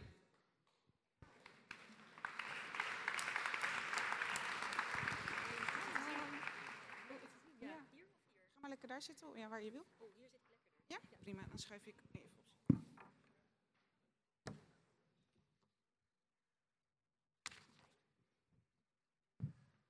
Welkom, jij moest eh, haasten hierheen. Ja, ja, ik kom uit Amsterdam. Ja, maar ik ben een Dit is niet de Rotterdammer. plek om het nee, te nee, ik ben echt een Rotterdammer. En Oh. eh, het programma duurde daar tot, eh, tot laat. Ik zei nee, ik moet echt naar Rotterdam, mijn hometown. En ja, ik ben een beetje, eh, hoe noem je dat? zo nu en dan ben ik chaotisch. Dus ik had twee afspraken op dezelfde dag. Nee, ik had het event van vandaag. Het Amsterdamse event had ik gisteren in mijn, in mijn agenda staan en het verse beton voor Ja. vandaag. Dus ik dacht, nou ja, ik ga gewoon naar beide events, klaar. Goed zo, fijn dat je er kunt zijn. Ehm, een beetje een gekke felicitatie, maar Femmes for Freedom bestaat dit jaar eh, zeven jaar. Hm? Ehm, ik zou willen dat je organisatie niet meer nodig is, eh, maar dat is helaas tot op heden eh, wel zo. Ehm, kun je aan de mensen die jou of eh Femmes for Freedom niet kennen uitleggen eh, wat je precies doet? Mm, nou, heel kort samengevat. We zijn bekend van de postercampagne hier in Rotterdam. eh, maar goed. eh, ik De postercampagne eh, Vrije Liefde. Ja, vrije partnerkeuze, ehm, hashtag zelf gekozen. Eh, maar we doen heel veel meer. Ehm, afgelopen jaren hebben we weten te realiseren dat de wet werd uitgebreid. Hè, in 2011 en 12 eh, was er een wetsvoorstel en het heette Wetsvoorstel tegengaan polygamie, huwelijksdwang en genitale verminking. Nou, wij, wij deden toen een voorstel van breid het uit met eh, huwelijksgevangenschap en eh, achterlating. Ehm, een ander belangrijk mijlpaal ehm, is. Wacht even, huwelijksgevangenschap, dat moet je even uitleggen. Ja, wat dat is dat? eh, de dwang om getrouwd te blijven. Dat je wel gescheiden bent volgens het Nederlands recht, maar volgens het religieus recht niet kan scheiden. Ik heb zelf ook in zo'n situatie Maar, gezeten. maar wat maakt dat uit? Als je volgens de Ehm, Nederlandse wet gescheiden bent, dan geldt dat religieuze huwelijk toch eigenlijk niet? Ja, het bestaat. eh, hè, het, eh, in, in Nederland hoef je er geen gevolgen van ondervinden. Maar stel je gaat een keer naar een, eh, een moslimland. ehm, en je, hebt, hè, je gaat bijvoorbeeld een nieuwe relatie aan. of je gaat burgerlijk hertrouwen. dan kan je in een ander land vervolgd worden wegens overspel of bigamie. Ehm, en dat is geen pretje. En er zijn ook heel veel zaken ehm, waarin eh, vrouwen dan eh, ja, getrouwd blijven volgens het geloof, maar ook volgens het recht van een ander land. Ehm, omdat eh, bijvoorbeeld dat ander land geen Nederlandse echtscheidingsbeschikkingen erkent. Dus je blijft altijd getrouwd. En dan denk je van ja, weet je, wat doet het met je? Je kan gevaar lopen in een ander land, ehm, maar het kan ook zijn dat je er fysiek ziek van wordt.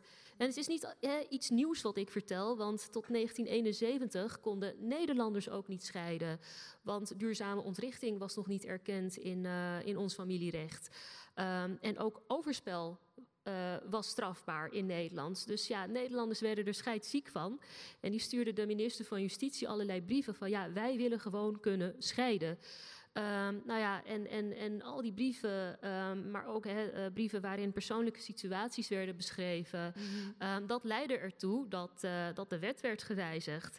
En met Femmes for Freedom hebben jullie dat kunnen toevoegen aan eh, ja, de het wetgeving? Dus van op strafrecht. En dat is een mijlpaal. En ja, ik wil dit echt gezegd hebben, want ja, we zijn echt meer dan een postercampagnebureau. Eh, we zijn een vrouwenrechtenorganisatie die op de barricade staat, eh, met politieke partijen in gesprek, ehm, gaat en is van hoe kunnen we nou concreet de positie van vrouwen verbeteren. Is het van alle vrouwen? Of, of ik heb het idee namelijk dat je met Mhm. Farms for Freedom veel meer recht op eh, vrouwen met een migrantenachtergrond. Nou, maar ook vrouwen, hè, de autochtone vrouw. Ja, ik weet ook niet welk woord ik moet gebruiken. Moet ik wit gebruiken? Moet ik blank gebruiken? Maar echt vrouwen aan de onderkant van de samenleving. ehm, die bijvoorbeeld, ja, ja, het is echt niet om te lachen hoor. Het is echt om te huilen. Als jullie weten wat ik eh, fysiek allemaal mankeer van alle stress en spanning. Eh, maar er zijn echt vrouwen aan de onderkant van de samenleving die in de vrouwenopvang zitten. Hè, de vrouwenopvang is het eh, ja, putje van de samenleving. Als je niet voor jezelf kan zorgen, je kan geen kamer huren, je hebt geen netwerk, ja, dan kom je in de vrouwenopvang terecht. En wat doe jij dan concreet voor die vrouwen in Nou, die vrouwenopvang? Wij hebben de misstanden geagendeerd. ehm, en dan wil ik echt gezegd hebben: twee derde heeft een migratieachtergrond, een derde niet. Maar er zijn echt de meest kwetsbare vrouwen. Dus ehm, nou, we, we hebben de vrouwen bijgestaan, hè, de klokkenluiders, ehm, die de misstanden hebben geagendeerd. En dat zijn echt hele grote misstanden. Het gaat om 12.000 vrouwen per jaar in de vrouwenopvang. Die En te wat, maken, maar wat voor soort Ja. misstanden zijn dat? En hoe nou, heb je, ze er, precies bijgestaan? Want nou, je, Kijk, je gaat er arm in. Eh, je hebt al geen centen en dan eh, moet je daar de maandelijks eigen bijdrage betalen, de huur. Mhm. Dus je gaat er nog armer uit. Hè, er, in, in, in veel instellingen is de hygiëne ook niet goed. Ehm, hè, ze zitten in e- enorme afhankelijkheidsrelaties. Ehm, dus eh, ja, ze krijgen ook te maken met diverse vormen van intimidatie en chantage. Niet overal trouwens, want hier bij Arosa gaat het meestal goed. Ehm, ja, en, en niemand die dat wist. Ehm, kinderen hadden geen luiers, ehm, vrouwen die konden geen eten kopen. Er waren vrouwen die zichzelf moesten prostitueren, die moesten bedelen. En dan komen die vrouwen bij mij eh, terecht van... ja, mevrouw Moussa, wij willen ons verhaal doen. Ze hadden al een journalist benaderd, maar dan eh, geven wij ze diverse trainingen... van ja, zo sta je de media te woord. Of wij gaan dan naar de Kamerleden met die vrouwen van... dit is er aan de hand. De vrouwenopvang in heel Nederland heeft geen enkel toezicht. Er moet toezicht komen. Dus dat we samen met die vrouwen gaan bedenken vanuit het perspectief van de vrouwen van hoe kan je het concreet verbeteren. Wat is er dan- nodig? Ja, wat is er nodig? Maar ook, hè, het gaat ook om het verbeteren van systemen. En dat is niet op de een op de andere dag gerealiseerd. Maar ja, wat eruit is gekomen is dat de ombudsman, eh, de nationale ombudsman, ehm, deze misstanden heeft erkend. En, en komt er nu een toezichthouder? Nee joh, dat is nog een lange weg. Eh, we gaan nog... eh, Nog zeven jaar ja, nog zeven jaar of misschien wel 15 jaar. Want verandering gebeurt niet van eh, de een op de andere dag. En het laatste ding, ehm, hè, dus een van de belangrijkste dingen... dat zijn ook die vliegtickets voor vrouwen en meisjes... die in het buitenland worden uitgehuwelijkt en achtergelaten. Eh, nou, daar, daarvoor hebben we ook gelobbyd in de Kamer. En eh, ja, weet je, dat eh, gaat zo met eh, zijn ups en downs. Maar ook dat is er gekomen. Dus als iemand eh uitgehuwelijkt wordt in, eh, nou laten we eh, mijn eh, land noemen, Marokko. Mhm. eh, en ze worden erachter gelaten en gedumpt, dan betaalt de overheid de vliegtickets? Ja, als het aan ons ligt wel. En eh, ja, van de zomer wilden ze dat ticketfonds verzwijgen. En wij zeiden van, ah, ah dat gaat niet gebeuren. Wat dus dan, wilden ze? Het ticketfonds werd verzwegen. Van ja, anders wordt er misbruik van gemaakt. En ik zei, ja, weet je, misbruik, ga toch weg, man. Oh, dus als ik dit jaar Ja. op vakantie ga naar Marokko, dan... eh, ja, maar, maar dit is wat we doen. En eh, kijk, ja, natuurlijk zijn we bekend. En sommigen Ja, vinden nou ja, ons ook een over, beetje... Over waar jullie bekend van zijn. Kijk, in Rotterdam, ehm, het grootste publiek heeft jou en for Freedom voor een groot deel leren kennen door die postercampagne. Eh, daarvoor zijn jullie in samenwerking aangegaan met eh, Leefbaar. Of nou ja, ik noem het een samenwerking. Hoe noem jij het eigenlijk? Met het college van BNW, waarvan de verantwoordelijke wethouder van Leefbaar Rotterdam was. Vond jij het een geslaagde eh, samenwerking? Ja, we hebben het op de agenda gekregen. En eh, ja, weet je, dat was, eh, ja, dat was best wel pittig. En eh, ik heb er slapeloze nachten van gehad. Maar ik vind het echt ontzettend tof. En ik ben ontzettend trots dat andere steden het ook hebben overgenomen. En die noemen nu de Rotterdamse campagne van ja, wij willen het in Groningen. Wij willen het in Haarlem en elders in het land. En het was natuurlijk heel, ja, weet je... Het, Nee, was je ook blij met de uitkomst van de posters? Want ehm, ik vond het ja. zelf persoonlijk... nou Kijk, ja. het liefst had ik echt stellen. En ik had er ook heel graag. ehm, ik ben echt ontzettend trots op die posters. Dus laat ik dat echt eh, zeggen. En ook op de samenwerking. Ehm, maar het liefst had ik er een verhaaltje bij verteld. Van waarom is deze postercampagne nodig? En wat speelt er nou hè, in eh, de gemeenschappen? Wat speelt er nou in de stad? Ehm, maar ja, de gemeente heeft bijna nooit geld. Dus het werden vier posters. En dat verhaal met context, Mhm. dat, dat kon er niet bij verteld worden. Maar daarmee had je misschien ook een deel van de kritiek kunnen ondervangen. Jazeker, maar hè, het was eh, een idee van FFF. En eh, ja, wij hebben het eh, toen voorgelegd aan eh, de, de, de gemeente, aan de verantwoordelijke wethouder. En die vond het fantastisch. En toen werd het uitgevoerd. Ja, weet je, als je het aan ons overlaat, dan had ik het net iets anders gedaan. Maar dan denk ik van ja, het is wel een campagne geweest die een steen in de vijver gooide van hé, hey, het gaat om het recht om te zoenen. Het gaat om het recht om verliefd te worden. Het recht om met iemand van een andere etniciteit te gaan. En, en voor heel veel mensen is dat vast wel een vanzelfsprekendheid. Maar dat is het voor heel veel vrouwen ook niet. En dat wilden we op de agenda zetten. Smaken verschillen, maar goh, we hebben dezelfde doelstellingen. En, Um, maar hoe kijk je, wel, kijk je dan tegen de kritiek? Eh, want ehm, ik kan me voorstellen dat mensen uit de gemeenschap zich toch wel tegen de borst gestoten voelen op het moment dat je A, een samenwerking gaat met een partij als Leefbaar, die, eh, om het eh, zo te zeggen, niet bepaald lekker ligt bij bepaalde groepen in Rotterdam. Nou, kijk, ehm, het was En echt het gaat college. over toch wel iets fundamenteels. Je wilde, je Ja. wilt toch de gemeenschappen meekrijgen in, in dat verhaal dat vrije liefde Ja, maar en het is vrije ook, eh, keuze een goed ding is. Bij, bij de ontwikkeling van de posters ehm, hebben diverse vrouwen uit de gemeenschappen meegedacht. Dona Daria, hè, als we het hebben over Rotterdamse partners, die was erbij betrokken. Het Spior was erbij betrokken. Dus verschillende mensen hebben naar die uitingen gekeken. En ja, ehm, de En niemand, frame- he- ook Spior heeft niet van tevoren aan de bel getrokken en gezegd: Nou jongens, dit kan misschien wel verkeerd vallen. Nou ja, ze hebben naar, we- weet je, dat waren van die, van die lullige gespreksrondes, dat je iets moest zeggen en vinden. Ehm, ze hebben volgens mij niet het eindresultaat gezien. Maar de erkenning is er wel dat vrije partnerkeuze in die gemeenschappen niet een vanzelfsprekendheid is. Nou ja, goed, zij doen het op een, hè, eh, zij staan een andere manier voor. En we hebben ook heel veel concepten gezien met twee handjes en weet je, van die getatoeëerde henna-handjes. Ja, weet je, daar word ik heel erg eh, kriebelig van. Want ja, wat, wat zeggen die handjes nou? Ehm, dus ik denk dat dat meer hun smaak was. Ehm, maar waar het om gaat, hè, nogmaals, het was het college van BNW. En ehm, in het vorige college, eh, even kijken hoor, welke partijen zaten erin? CDA, D66 en Leefbaar Rotterdam. En ehm, ja, er heeft nergens een leefbaar stickertje gestaan. En ik word er echt scheidsziek van dat ik op die manier steeds geframed word van ja, en leefbaar Rotterdam en leefbaar Rotterdam. En dan denk ik, ja, weet je, we moeten in dit land samenwerken. Ehm, samenwerken, ik werk ook met de VVD samen. Toen ik, toen ik op Twitter een keer eh, jubelde van yes, weet je, de vliegtickets zijn, ehm, die worden gerealiseerd en voorgesteld door de VVD. Werd ik ook voor vieze, vuile racist uitgemaakt. En dan denk ik, joh, vrouwenrechten kent voor mij geen ehm, links, kent geen rechts. Ehm, ik ben heel erg pragmatisch van wat kan ik nou concreet bereiken voor ehm, vrouwen in de stad Rotterdam, maar ook eh, vrouwen in Nederland. dus Ehm, het maakt je dan eigenlijk niet uit met nou, wie je het was- samenwerkt. Het was geen Leefbaar Rotterdam-campagne. Nee. En, nee, maar zo is het wel naar buiten gebracht. hè? Nee, maar dat, het was echt een campagne van de gemeente Rotterdam. Eh, hè, met als voorzitter, of hè, de, ja, de, de burgemeester. Hè. Dus het, het werd echt collegebreed gedragen. En dan denk ik van ja, weet je, het bevechten van vrouwenrechten. ehm, hè, de, de patriarchale gemeenschappen, of het nou in de jaren zeventig is geweest of eh, anno 2018. Ja, imams, priesters, pandits, niemand staat erop te wachten dat vrouwen over hun eigen eh, leven, eh, seksualiteit, hun denken en alles mogen beschikken.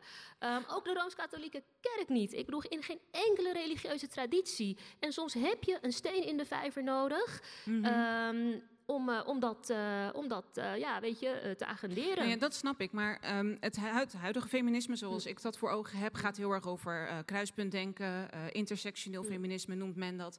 Daarbij strijd je niet alleen tegen patriarchale structuren, maar daarbij strijd je ook tegen ehm, onderdrukking vanuit nou ja, discriminatie of racisme.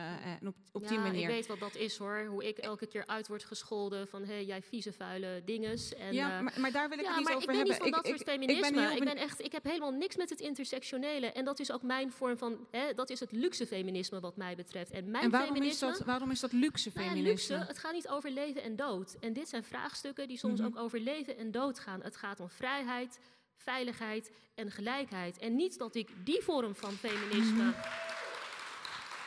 Dat ik die vorm van feminisme afval. Maar het doet me ontzettend pijn dat die feministen mij wel helemaal flashen op Twitter.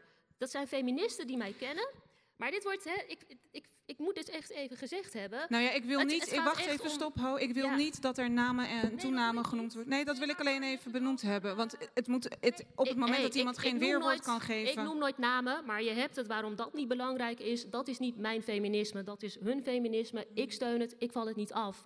Maar joh, we zien op Twitter, elke keer als ik kijk, joh, al die verdachtmakingen. Hè, van je verdient 70.000 euro per jaar. Joh, ik verdien 3000 euro netto en ik werk 80 uur in de week. Hè, de verdachtmakingen van zij is extreem rechts of islamofoob. Dat komt hier binnen. En dat zijn, dat zijn verdachtmakingen van mensen die mijn medestanders moeten zijn. Want ook ik voel waar zij mee te maken hebben. Hè, maar snap je wel, ik, en ik, racisme. ik vind dat eh, verdachtmakingen zijn sowieso Ja. niet oké. En eh, persoonlijke aanvallen ook niet. Want het werk dat jij doet is ontzettend belangrijk. Eh, Ja, maar weet je, Maar wij ik leven echt in grimmige omstandigheden. ik, ik, ben wel, ik vraag me wel af of je, of je begrijpt waar dat gevoel vandaan komt. Ik kan me goed voorstellen dat het soms ook wel lastig is om zo'n keuze te ik maken. denk, lees ons jaarverslag. Iedereen die iets van ons vindt, of islamofoob, whatever.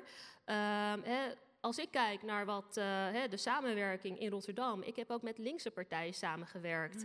Hè, met, eh, met eh, de P van de A, Peggy Wuintuin. Daar heb ik ontzettend veel mee gedaan. Ehm, hè, in 2014 of 15 hebben we samen met de VVD ehm, ja, meegedacht en meegeschreven aan een initiatiefnota. Ehm, nou ja, goed, en, en eerlijk, hè, dan, als ik kijk naar het Rotterdamse, ja, dan hebben we ontzettend veel eh, kunnen verwezenlijken met de VVD en Leefbaar Rotterdam. Ehm, met de PvdA ben ik niet verder gekomen dan, eh, dan een huilsessie met ervaringsdeskundigen. Van, en, en eh, waarom is dat? Weet je dat? Heb je enig idee waarom er nou toch een soort huivering is? er is geen huivering. En ik, Maar wat ik is heb- het dan? Ja, nou, dat weet ik niet. Eh, handelingsverlegenheid of eh, hè, dat, eh, dat eh, die politici het niet durven door te pakken. Mhm. Ehm, ik mag altijd, ook, ook bij PvdA landelijk, mocht ik een huilsessie organiseren, weet je. Van eh, dat eh, vrouwen die in diverse situaties hebben gezeten, hun verhaal mochten doen. Ja, nou, dan hebben we ons verhaal gedaan, maar ik wil concrete verandering. En het zijn wel partijen zoals eh, bijvoorbeeld eh, ja, de VVD of ehm, hier in Rotterdam is het leefbaar. En hè, ik zie nu ook landelijk dat eh, GroenLinks een beetje kantelt. Ja, GroenLinks Rotterdam is weer een ander verhaal. Maar het landelijke is toch echt van hey, wetgeving. Um, hè, we gaan ons inzetten om genitale verminking tegen te gaan. En dat heeft geen links, dat heeft, heeft geen rechts. Het zijn gewoon mensenrechten. Het zijn mensenrechten. Uh, niets meer en niets minder. Ja. En we moeten kijken of ja, zo ben ik ingesteld. Van nou, jij bent anders, ik ben anders en alle partijen zijn anders. Maar we moeten kijken van hé, hey, wat zijn nou de gemeenschappelijke Mhm. mm -hmm. doelen die we hebben? En geen gelul, maar gewoon hé, keihard aan de slag, concrete verbeteringen. Trouwens, als we het hebben even, over islamofobie. Even, even, los van beleid, want je noemde net een aantal Ik heb ook. NIDA benaderd, hè? Nou, Lang ik, voordat ik Leefbaar Rotterdam ik, benaderde. Ja, daar, daar, ben ik ja. even benieuwd naar. Van hoe krijg je die gemeenschappen mee? En ik kan me voorstellen dat een partij als NIDA, die toch wel goed gevestigd is in bepaalde gemeenschappen, uh, dat je als je eenmaal met hen samenwerkt, je die gemeenschap ook mee kunt krijgen. Want tuurlijk, beleid is hartstikke belangrijk, maar er moet om uh, iets als genitale verminking tegen te, uh, tegen te gaan, toch ook een soort omslag komen in uh, manieren van denken. Nou ja, kijk, um, Nida, uh, wij zijn niet hun electoraat. Hè. Het, uh, ik denk dat ik heb ze echt lang, lang geleden en ik heb al die mails bewaard van joh, laten we kijken hoe we op dit gebied kunnen samenwerken. Geen reactie. En zonder Nida, hoe kan je, zonder sta jij Nida, in contact met die gemeenschappen? hey, ik kom uit die gemeenschappen, ik ga naar de moskee, um, hè, ik kom op alle Koranfeestjes van vrouwen. Um, hè. Het is echt, ik, ik, ik ben de gemeenschap en ik weet wat er speelt. -hmm. um, en, en dan denk ik van ja, weet je, de, de, islamiet, de SGP die staat ook niet te springen voor het zelfbeschikkingsrecht van, uh, van uh, ja, weet ik veel, uh, de, de, vrouw. En datzelfde geldt voor ja, die islamitische partijen hier. En, en ik betreur dat. Want als je, in, hè, als je in, in vrouwen investeert, vrouwen gelijke kansen geeft, ja, dan kunnen die vrouwen weer een rolmodel zijn voor hun kinderen, voor hun omgeving en nog heel veel meer. Uh, maar ja, we zijn wat mij betreft, uh, ja, ook, ook NIDA kan een coalitiepartij zijn um, en, en een samenwerkingspartner. Mm. Maar het is graag of niet. En voorlopig hebben ze twee of uh, twee zeteltjes hier. Ja, nou, twee zeteltjes, maar ja, daar kan je weinig slot, zaken mee doen. En tot slot, um, wat hoop je voor Farms for Freedom voor de toekomst? Jullie bestaan nu zeven jaar. Um, ja, ja, echt dat we opgedoekt worden, uh, hè, dat is het uh, ideaal. Maar het is, uh, er, er, is nog heel veel meer. Um, ja, mijn droom is, is dat vrouwen, generaties na mij, ja, zichzelf kunnen zijn en minder drempels ervaren om, ja, weet je om hun leven te leven. En het gaat om het recht om te geloven, het recht om niet te geloven, over hè, je seksualiteit te beschikken, Mm. te werken, niet te werken. eh, dat ze volledig vrij zijn. Ehm, niets meer en niets minder. En dat ze op alle terreinen een slag kunnen slaan in de samenleving. Ehm, hè, want ook als we het hebben over ja, diversiteit. Ja, weet je, ehm, hè, vrouwen zijn sowieso overal ondervertegenwoordigd. Maar als we kijken naar vrouwen met een migratieachtergrond in topposities. Ja, dan zeggen ze altijd, ja, maar je hebt een Khadija Ariep. Dan zeg ik, ja, dat is er maar één. Het gaat echt om volledig mee kunnen doen. En ook aan tafel zitten. Want dat is ook wat ontbreekt in, in, in, in, in, eh, ja, in dit land. Dat, eh, dat er over vrouwen wordt gesproken. Ja. En niet met de vrouwen. Nou wil ik je bij deze hartelijk bedanken dat jij bij mij aan tafel wilde zitten Dank je. vandaag. Een heel hartelijk applaus voor Shirin Moussa. En daarmee zijn we tot een einde gekomen van eh, dit, ja, deze avond, de allereerste Arminius of Vers Beton live show. Iedereen hartelijk bedankt voor jullie komst. Ik wil nog heel kort programmamaker Catharine Baten bedanken. Catharine, waar ben je? Zonder jou had dit niet gekund. Ik zie je alleen niet staan. Ehm, Eva Ljuku, vanzelfsprekend. Eva, hoofdredacteur van Vers Beton, heeft heel hard mee nagedacht over de onderwerpen en de gasten van vandaag. En van Arminius, de directeur Rutger Wolfsen, voor tot stand brengen van eh, de samenwerking. En dan wil ik jullie allemaal nog heel erg op het hart drukken om vooral sponsor te worden van Vers Beton. Dank jullie wel.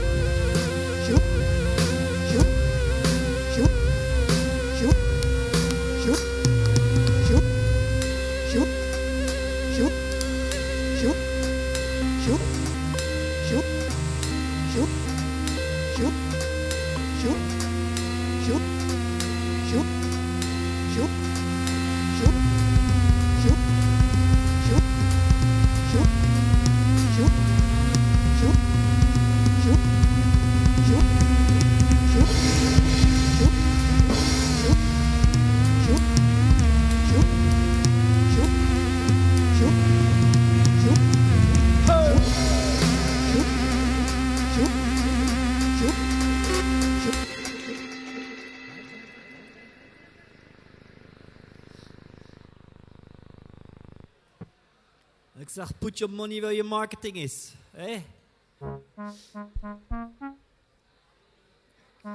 Is iedereen er nog? Vier bier voor de band? Hugo? Iedereen is er, hè? Echt, hè? V? Hey, V, ja. Iedereen, hè? Ferry met IE is er ook. Superleuk. Ferry met IE is er ook. Hij je staat gewoon te borrelen, jij. Leuk hoor.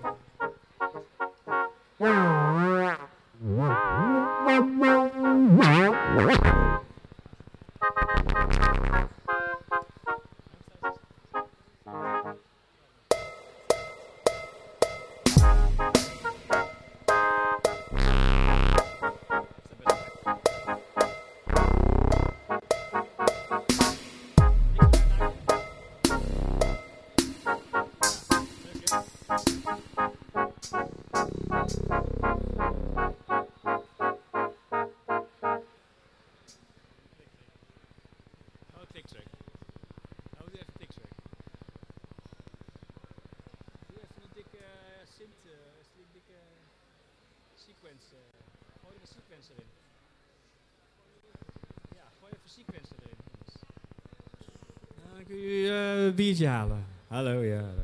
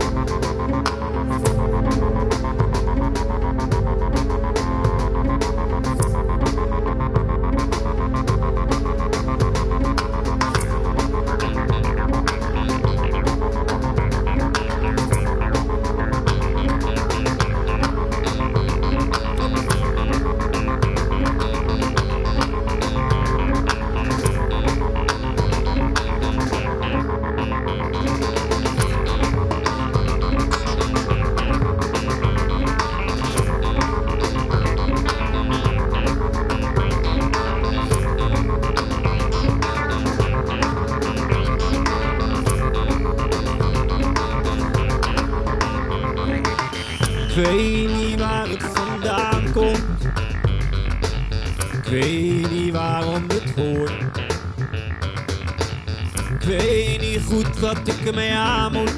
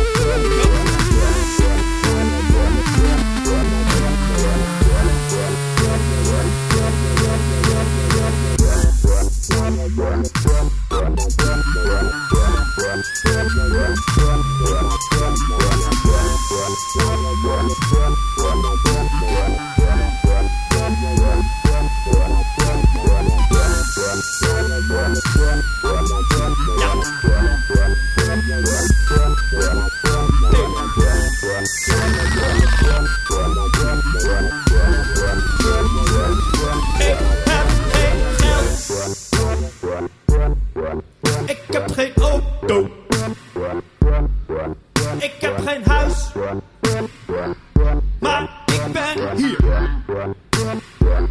Jij bent mijn geld. Je bent mijn auto. Je bent mijn huis.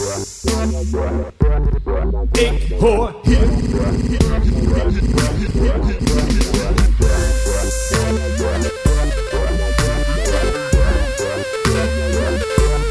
Ik hoor hier.